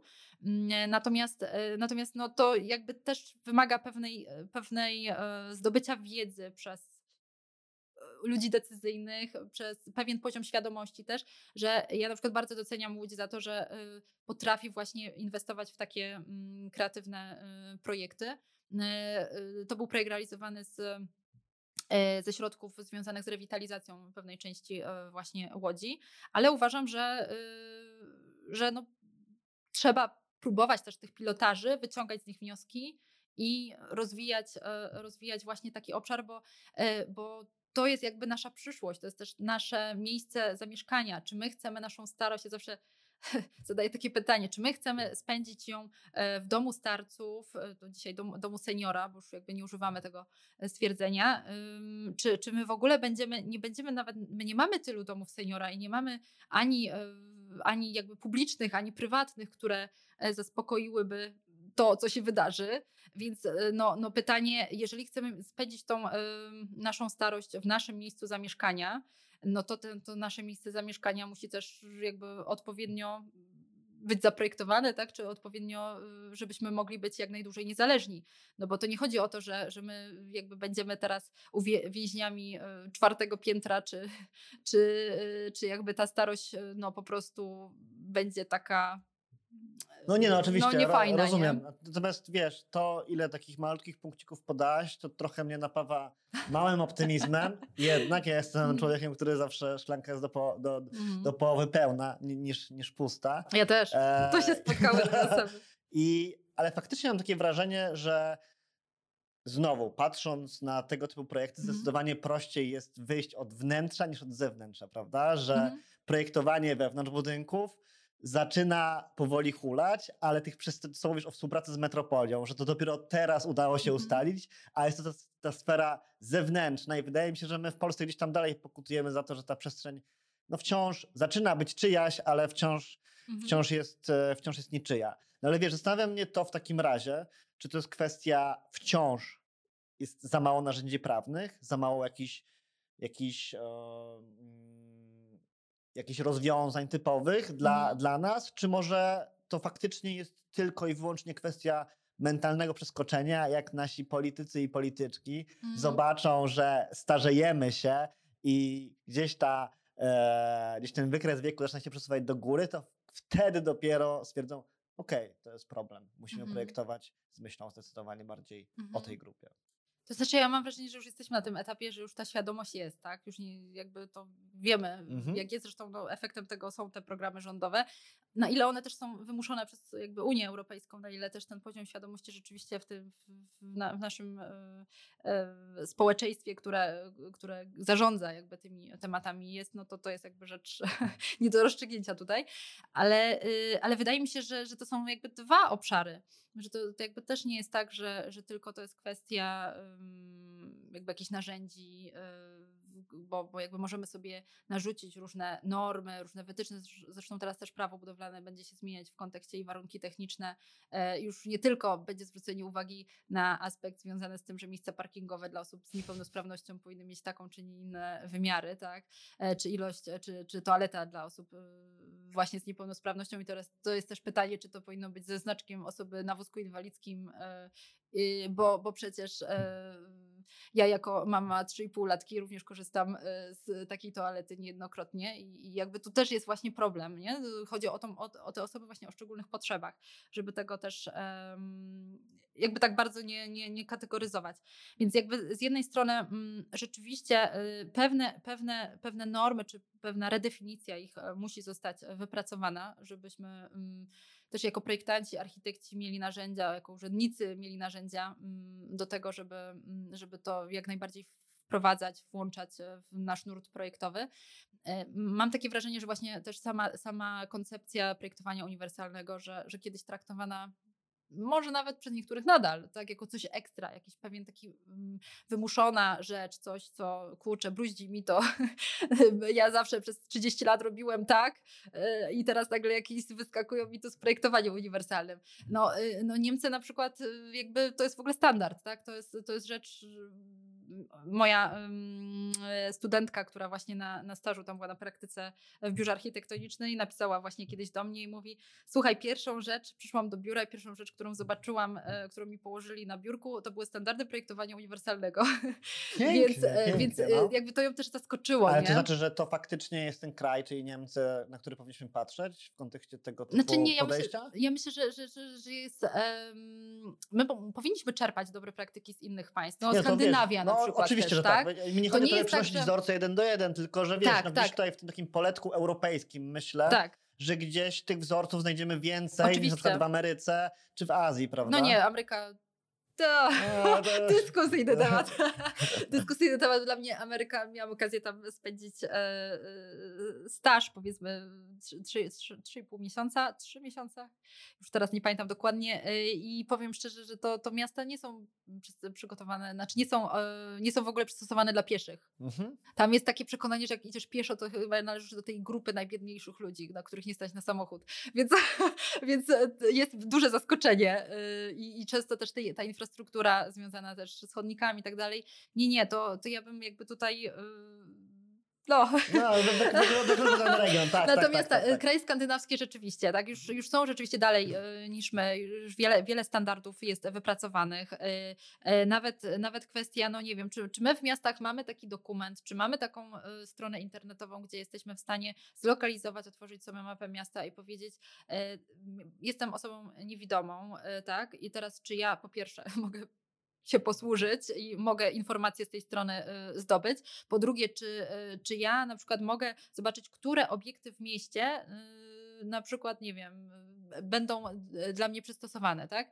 Y, Czy y, gdzie są na przykład y, jakieś e, punkty związane z usługą, z, nie wiem, z załatwieniem, e, bo jest, jakby musimy sobie uświadomić, że nie będziemy nagle w stanie e, za pomocą e, e, magicznej różdżki całego miasta zamienić, e, które będzie super dostępne. To jest pewien proces, tak? Musimy, tych, musimy cegiełka do cegiełki starać się to zmieniać, budować, ale też e, nowo powstałe obiekty po prostu już projektować z perspektywą naszej właśnie przyszłości, z, ze standardami.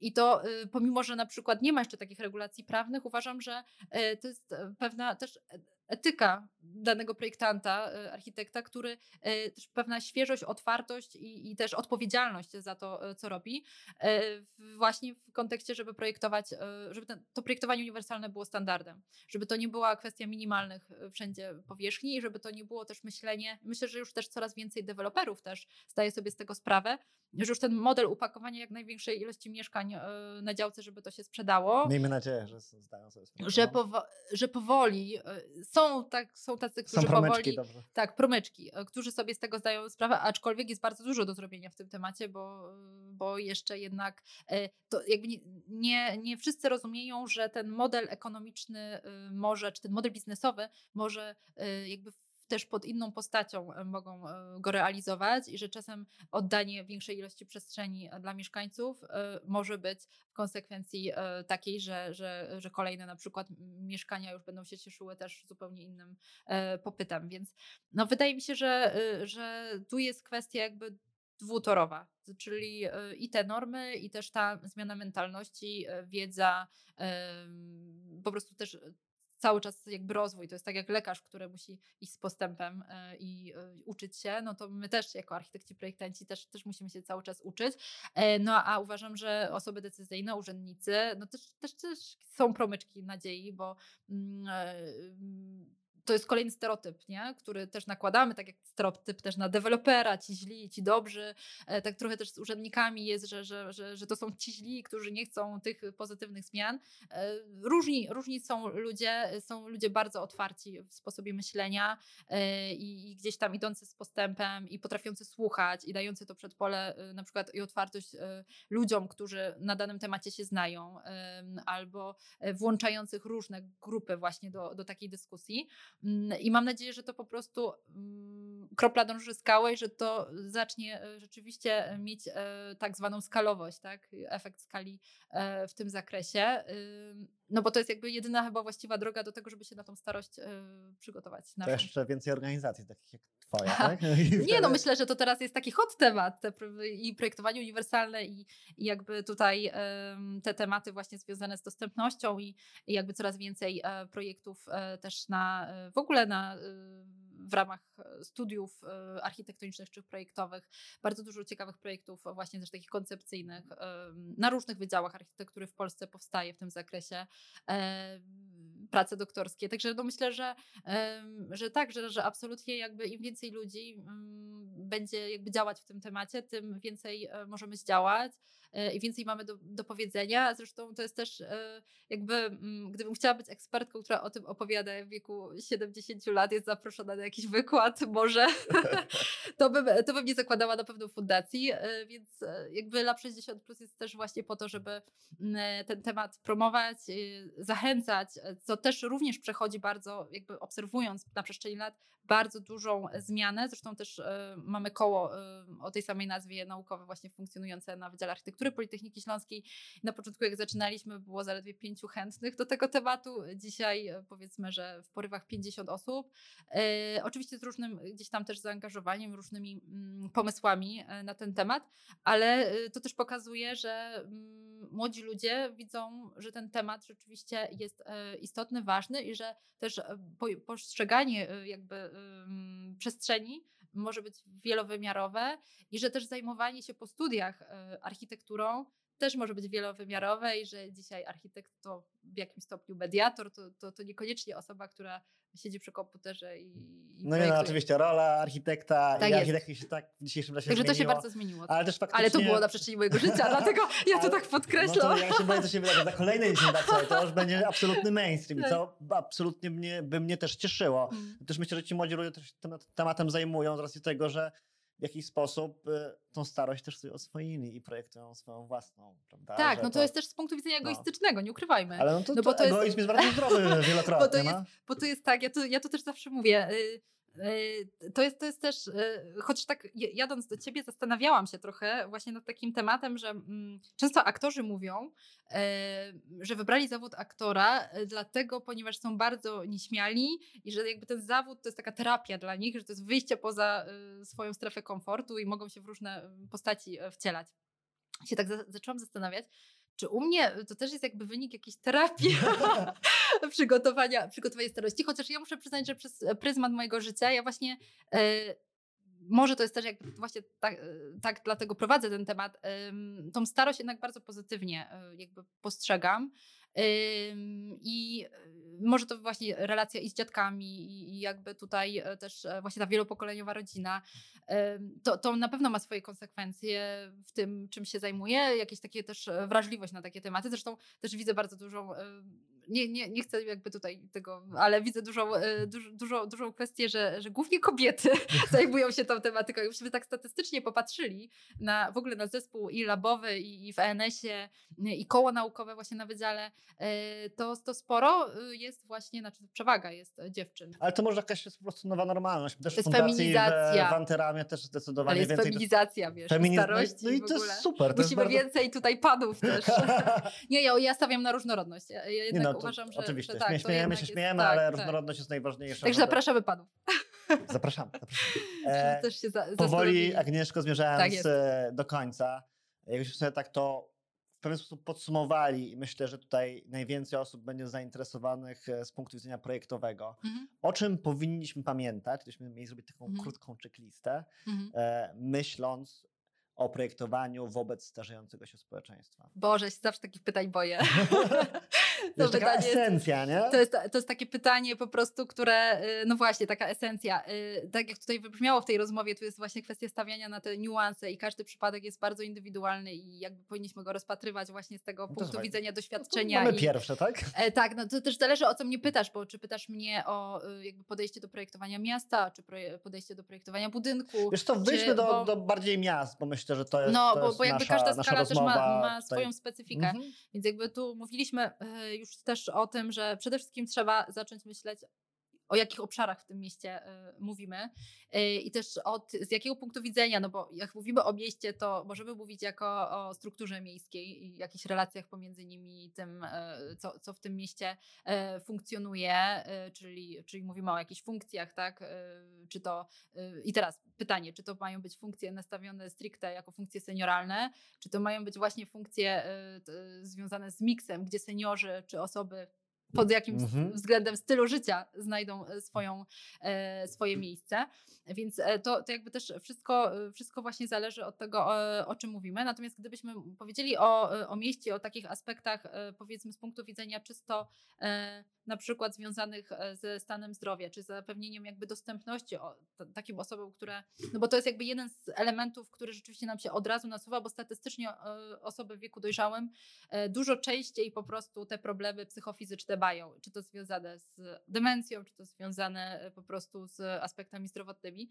Więc ja bym przede wszystkim e, e, podeszła do tego, te, tego tematu w kontekście funkcji, których w mieście często brakuje i które, albo które są mało dostępne. Mm, mowa na przykład o toaletach.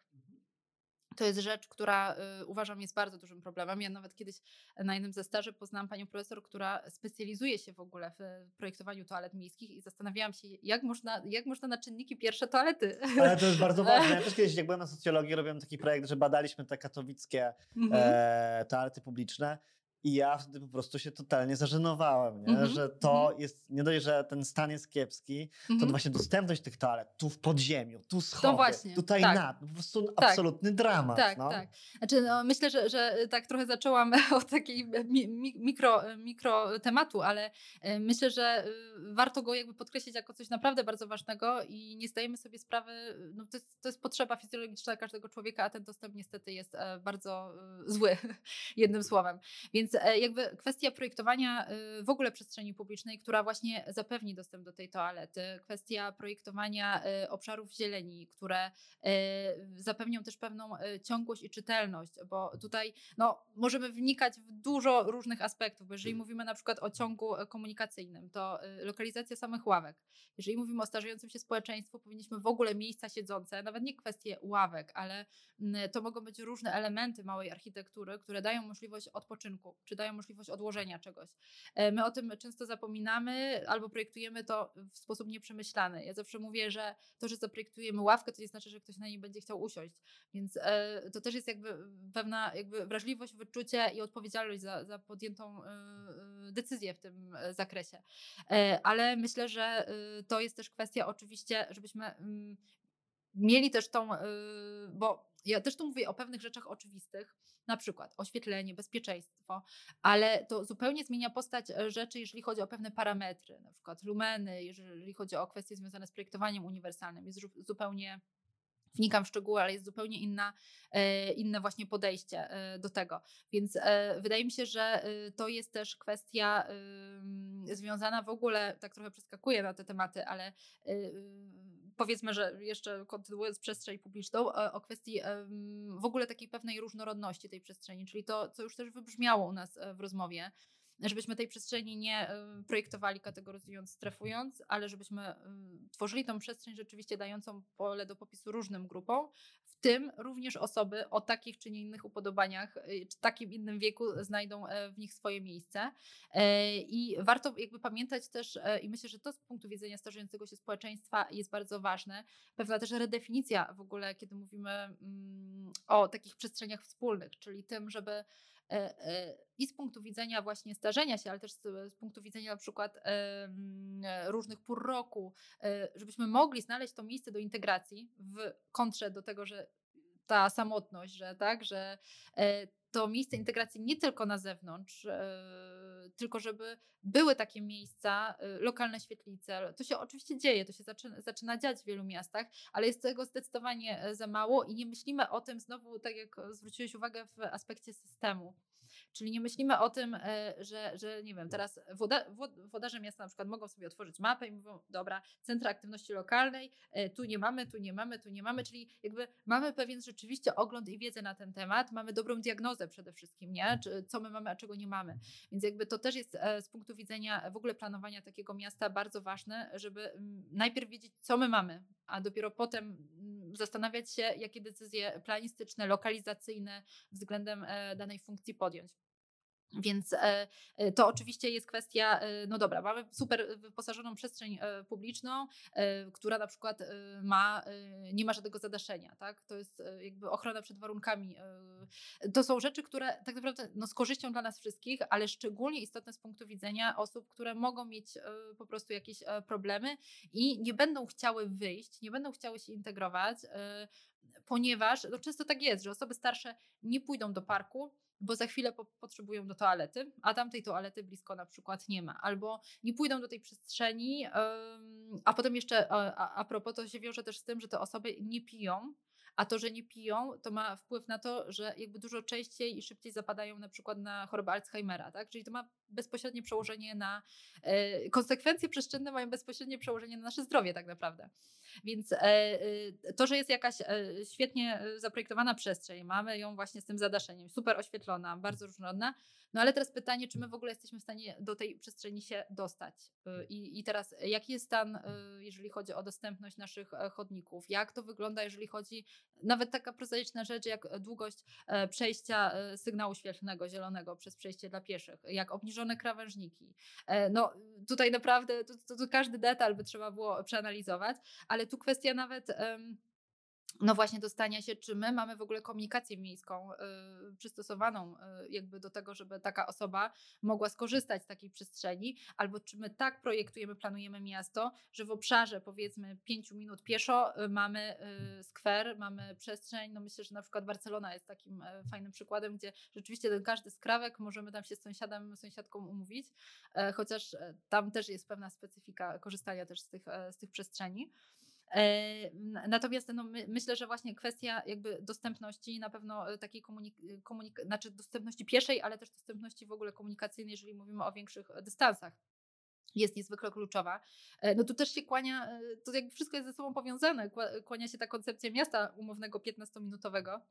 Mm, chociaż w perspektywie, jak ostatnio wzięliśmy na warsztat projektowania, planowania przyszłości, zaczęliśmy się zastanawiać, jeżeli na przykład większość usług przeniesie się w świat zamawiania mhm. przez internet, to y, teraz pytanie, czy wszystkie y, funkcje i to, co, tak jakby dzisiaj rozumiemy, definiujemy miasto, czy to rzeczywiście będzie miało swoje, swoją To prawda, to może kompletnie to może być, inaczej tak, funkcjonować. Tak, tak. No. Także, y, także myślę, że tutaj ten transport, ale myślę, że też e, kwestii planowania miasta, bo ja jednak ciągle gdzieś tam odnoszę się do tej skali takiej bardziej e, makro, to jest też kwestia jakby zobaczenia, jakie my mamy sposoby zamieszkania też w tym mieście. Czy, czy my mówimy ciągle w takim standardowym ujęciu, czy my gdzieś poszukujemy też tych alternatywnych sposobów zamieszkania, czyli te domy wielopokoleniowe, e, czy, czy chociażby cohousingi, cohousingi wielogeneracyjne, senioralne, czy my jesteśmy otwarci na taki, e, na taki sposób, czy mamy takie narzędzia.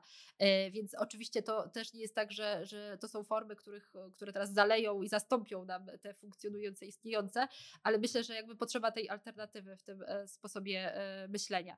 No oczywiście kwestia też w ogóle wydostania się z budynku do tej przestrzeni, bo jakby idę od końca, przepraszam. Ale wiesz, tak właśnie Wracamy bardzo... do domu. Tak. Wracamy do domu, więc też kwestia, kwestia tego, że wiele budynków albo nie ma windy, albo tak jak w super jednostce w Katowicach winda zatrzymuje się co drugie piętro. Zresztą super jednostka kiedyś jeszcze za czasów studenckich razem z socjologami chodziliśmy po mieszkaniach, przeprowadzaliśmy ankiety architektoniczne i socjologiczne właśnie z osobami starszymi i okazało się, że te osoby nie dostrzegały tego, że jest ślepa kuchnia, nie dostrzegały tych mhm. Nie, niedogodności, raczej się z tym oswajały, przyzwyczajały. E, także musiały czekać na kogoś, kto ich sprowadzi. To jest na takiej zasadzie, i, i tu się jakby pojawia ten aspekt tej zależności, że my jesteśmy nieszczęśliwi i widzimy tą starość jako negatywną, kiedy jesteśmy zależni od kogoś, więc jakby dążmy do tego i też projektujmy właśnie nasze środowisko tak, żeby jak najdłużej, żebyśmy jak najdłużej mogli być niezależni. Więc jakby tu na przykład w budynkach, no wiele budynków jednak e, zresztą pojawiają się też takie programy, czy, czy, właśnie granty z programu Dostępność Plus e, do budowania wind do istniejących struktur, mhm. na przykład budynków. Zresztą na, no w Niemczech miałam okazję takie budynki z wielkiej płyty, właśnie te więźniowie tego słynnego czwartego piętra. No dzisiaj już ten standard jest taki, że każdy budynek, który ma powyżej e, tej jednej kondygnacji, no musi być jakby Powinien zapewniony, być, tak, tak, tak, tak, powinien tak. być zapewniony e, dostęp. Więc, e, więc tutaj jakby też kwestia, czy my w ogóle z tego budynku jesteśmy w stanie się wydostać, ale są nawet takie niuanse, że drzwi mogą być za ciężkie, że, że, że, że drzwi z bloku nie mają jakiegoś systemu wspomagającego i one już mogą być pewnym ograniczeniem i one już nie są w nurcie projektowania uniwersalnego, albo klamka, klamka do drzwi, która, y, no na przykład, y, taką jak tu macie w toalecie, Aha. to nie działa. to jest bardzo, y, bardzo klamka taka, z której osoba na przykład, która ma artretyzm, e, no Mhm. nie, nie, nie, nie, nie skorzysta. Także tutaj naprawdę ten poziom szczegółowości, takiego naprawdę przeprowadzenia przez to miasto pod względem takim projektowym oczywiście. To jest, to jest wiele, wiele, wiele elementów, które mają na to wpływ, więc jakby mm, ja przepraszam za tą taką właśnie rozwlekłość tej wypowiedzi tutaj, ale y, jakby chciałam też namacalnie pokazać, że, że to nie jest tylko kwestia właśnie takiej prostej checklisty, tak jak to powiedziałeś. E, To jest kwestia y, oczywiście są pewne y, normatywy i jakby tutaj też zapraszam do, do takiego poradnika, który opracowaliśmy jako fundacja 5 lat temu w zakresie projektowania uniwersalnego, ale wiele, wiele jest takich już poradników, e, które jakby pokazują y, w jaki sposób e, podchodzić, jeżeli chodzi o te normatywy e, do, do projektowania, ale też jest e, pewna kwestia takiej wrażliwości, też doświadczenia w tym, na co zwrócić uwagę, a na co nie. No, nam się zdarzyło też jako fundacji na przykład audytować dokumentację mm, projektową, wykonawczą jeszcze przed bu- wybudowaniem budynku, tak? Czyli, czyli żeby zwrócić uwagę z punktu widzenia na przykład tej dostępności, ale nie tylko, n- co należałoby zmienić jeszcze, czy co można by było udoskonalić, żeby rzeczywiście ten budynek jak najlepiej odpowiadał tym potrzebom. A idealnym modelem byłoby to, że mamy to rzeczywiście na każdym etapie procesu inwestycyjnego y, zbadane, przeanalizowane i mamy wnioski z tego wszystkiego. Budynek zostaje wybudowany, a potem jeszcze jesteśmy w stanie zaudytować ten budynek i ocenić. I zdaje mi się, że chyba właśnie pracownia pani profesor e, Kuryłowicz e, dokonała nawet czegoś takiego we własnych budynkach, właśnie wyciągając wnioski z tego.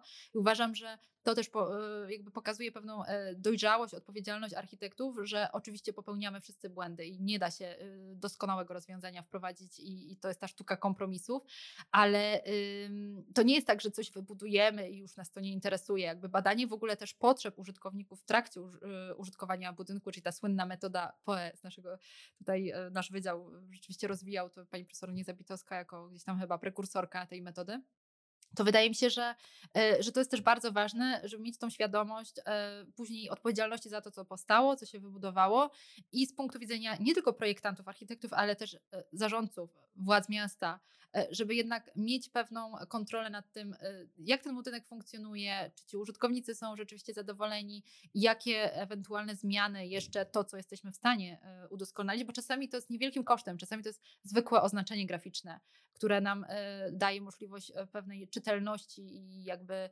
e, no, łatwość, łatwości odnalezienia przede wszystkim e, właściwej drogi.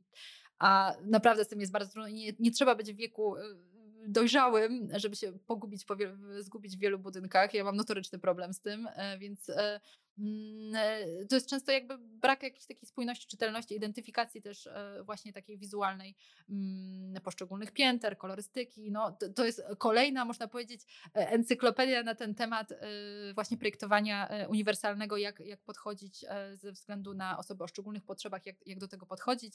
E, To są też kwestie, nie wiem, wyposażenia w pętle indukcyjne różnych e, miejsc, nie wiem, recepcji w jakimś hotelu, E, więc no naprawdę to jest e, kombajn, e, więc nie poszłam w taką krótką, e, krótkie podsumowanie. Ale wiesz, no to pokazuje pewne, pewne kierunki działań faktycznie i pokazuje wciąż, co jest, uważam absolutnie kluczowe, nie tylko dla tego Mhm. tematu, ale dla wielu tematów, czyli pokazywania, projektowania jako pewien proces, tak? Tak. Który, który jest czasownikiem niedokonanym, a nie tak jak myślimy mainstreamowo, że jest dokonany, Mhm. Tak. zamykamy temat i już Tak, nie myślimy tak, o tym, prawda? tak, I to jest jakby absolutnie... Tak, to i w tym temacie, znaczy bo myślę, że ja zawsze mówię, to jest tak jak z koncepcją miasta. Miasto sprawiedliwe, zdrowe, miasto przyjazne starzeniu się, miasto takie, takie. Ciągle mówimy o jakichś koncepcjach. I uważam, że wszystkie te koncepcje w miarę mówią o tym samym, tylko trochę inaczej stawiamy priorytety. I dokładnie też jest e, jakby e, tutaj w tym obszarze, którym ja się zajmuję, stawiam priorytet na ten aspekt e, związany ze starzeniem się, ale jak sam widzisz i też to mam nadzieję, że, że udało się, że, że to wybrzmiało w naszej rozmowie,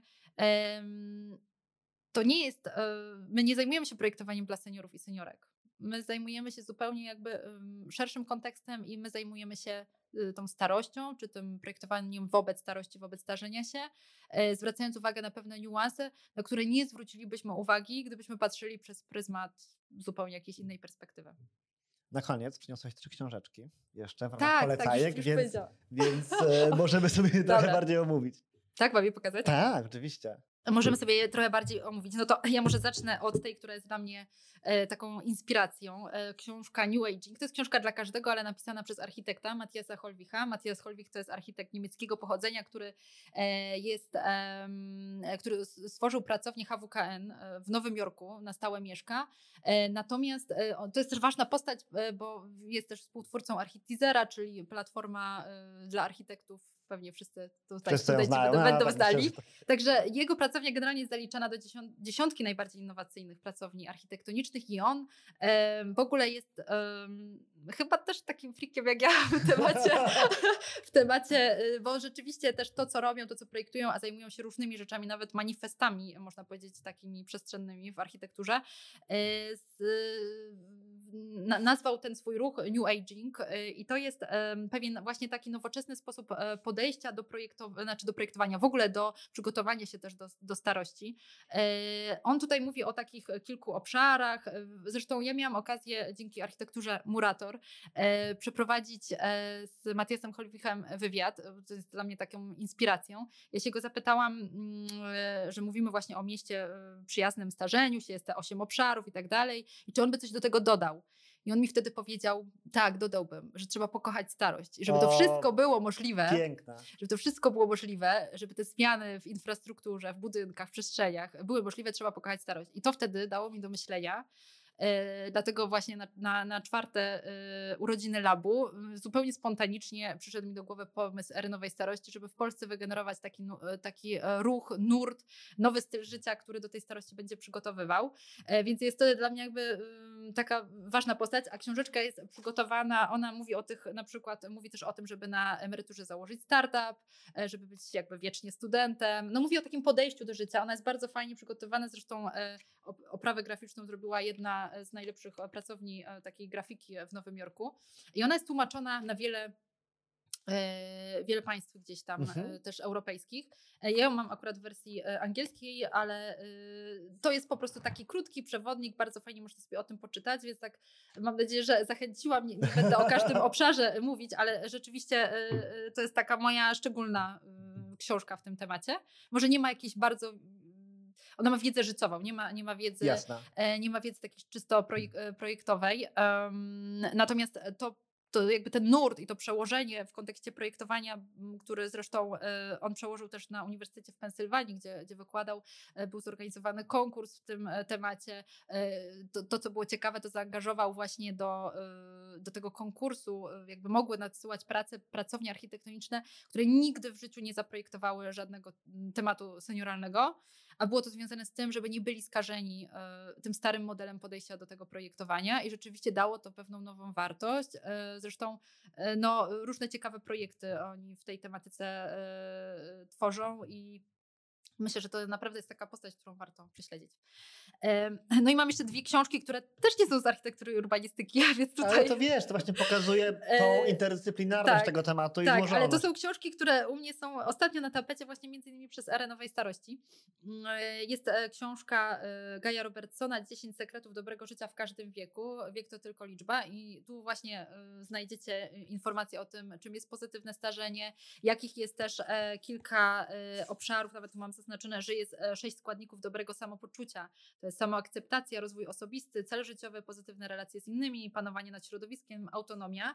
E, e, tutaj też, też mowa właśnie o tych stereotypach, o tych mitach związanych ze starością i myślę, że to też jest właśnie bardzo ciekawe, jak czasami sami sobie nie zdajemy sprawy, że coś może być mitem związanym ze starością. To, to, to myślę, że też jest bardzo takie odkrywcze. No i ostatnia książka, no to myślę, że to jakby wiele osób może znać, albo to jest tylko moje przeświadczenie, że wiele No i osób może wiesz, znać. ja nie. To jest e, to, to był dosyć głośno bestseller do e, New York Timesa. e, Jak żyć długo, dlaczego się starzejemy i czy naprawdę musimy. Sinclair, tutaj krótko e, przeczytam, a jeśli starzenie e, się to choroba i to choroba uleczalna, czy można żyć dłużej i starzeć się wolniej? E, Żyjemy w przekonaniu, że starzenie się właśnie jest nieuniknione, co jednak jeśli to wszystko, to jest e, jednym słowem e, nieprawda. Autor udziela nam e, praktycznych porad. Okazuje się, że wystarczą małe zmiany w codziennym trybie życia, które pozwolą zachować nam młodość i zdrowiej, zdrowiej się, że tak powiem, zd- zdrowiej dłużej żyć. I tu rzeczywiście są takie konkretne e, wskazówki, nawet e, i propozycje autora, co on w ogóle zażywa, e, jakie tam witaminy, suplementy i tak dalej, żeby rzeczywiście tą swoją długowieczność e, zachować, ale rzeczywiście książka się e, cieszy bardzo dużą e, popularnością. I e, wśród jakby ludzi e, e, no, ró- różnych, tak, którzy po prostu, dla których rzeczywiście ten styl życia jest ważny, bo myślę, że to, to jest jakby istotne, jakby ten styl życia, który zapewnia nam właśnie tą zdrow, zdrow, zdrowe, ale też o dobrej jakości życie. Bo to nie chodzi o to, żebyśmy żyli długo, znaczy nie, nie o to nam chodzi, takie mam wrażenie, tak, że, że mamy takie na pewno wszyscy chęci i wyobrażenie, że chcemy żyć długo, ale żebyśmy byli zdrowi niezależni. Właśnie to jest myślę taka, y, kon, y, taka konkluzja, tak, dla, dla tego tematu. No i to już, to już jest, y, to są, to są, że tak powiem, trzy takie książki, które polecam dla każdego w, o każdej porze dnia. Czytajmy, nocy. czytajmy. Czytajmy, tak, książki są ważne. No i faktycznie żyjemy długo. Ale czasami, no. przepraszam, e, ktoś mi kiedyś powiedział, że minuta rozmowy z takim mądrym człowiekiem jest cenniejsza niż 100 z przeczytanych książek, więc jakby wydaje To mi ja się, po tej że... rozmowie, słuchaj, dwie godziny, to ja Nie, jestem dobra, dobra. tak bogaty. I nie, że- wzajemnie, i wzajemnie. E, także, także ja się tego trzymam też w swoim życiu, że jakby nie jestem em, takim zupełności molem książkowym. Ja zresztą też książki e, czytam w, specyficzny sposób. Ja w ogóle szybko, wszystko muszę szybko robić. e, więc, e, więc jakby to też daje mi jakąś taką energię, ale często czytam książki. E, nie czytam beletrystyki na przykład i czytam często takie książki, które coś mi rzeczywiście wnoszą i, i czasami właśnie w, tak nie po kolei. Się, się. Także rzadko kiedy oddechy do dechy, tak, tak, że tak powiem, jak to się powinno czytać. Co, starzejmy się dobrze Tak. i dzięki wielkie za rozmowę. Nie czujmy się starzy. Nie czujmy się starzy, tak, to absolutnie. Dziękuję Ci bardzo. To Dzięki była wielkie. czysta przyjemność.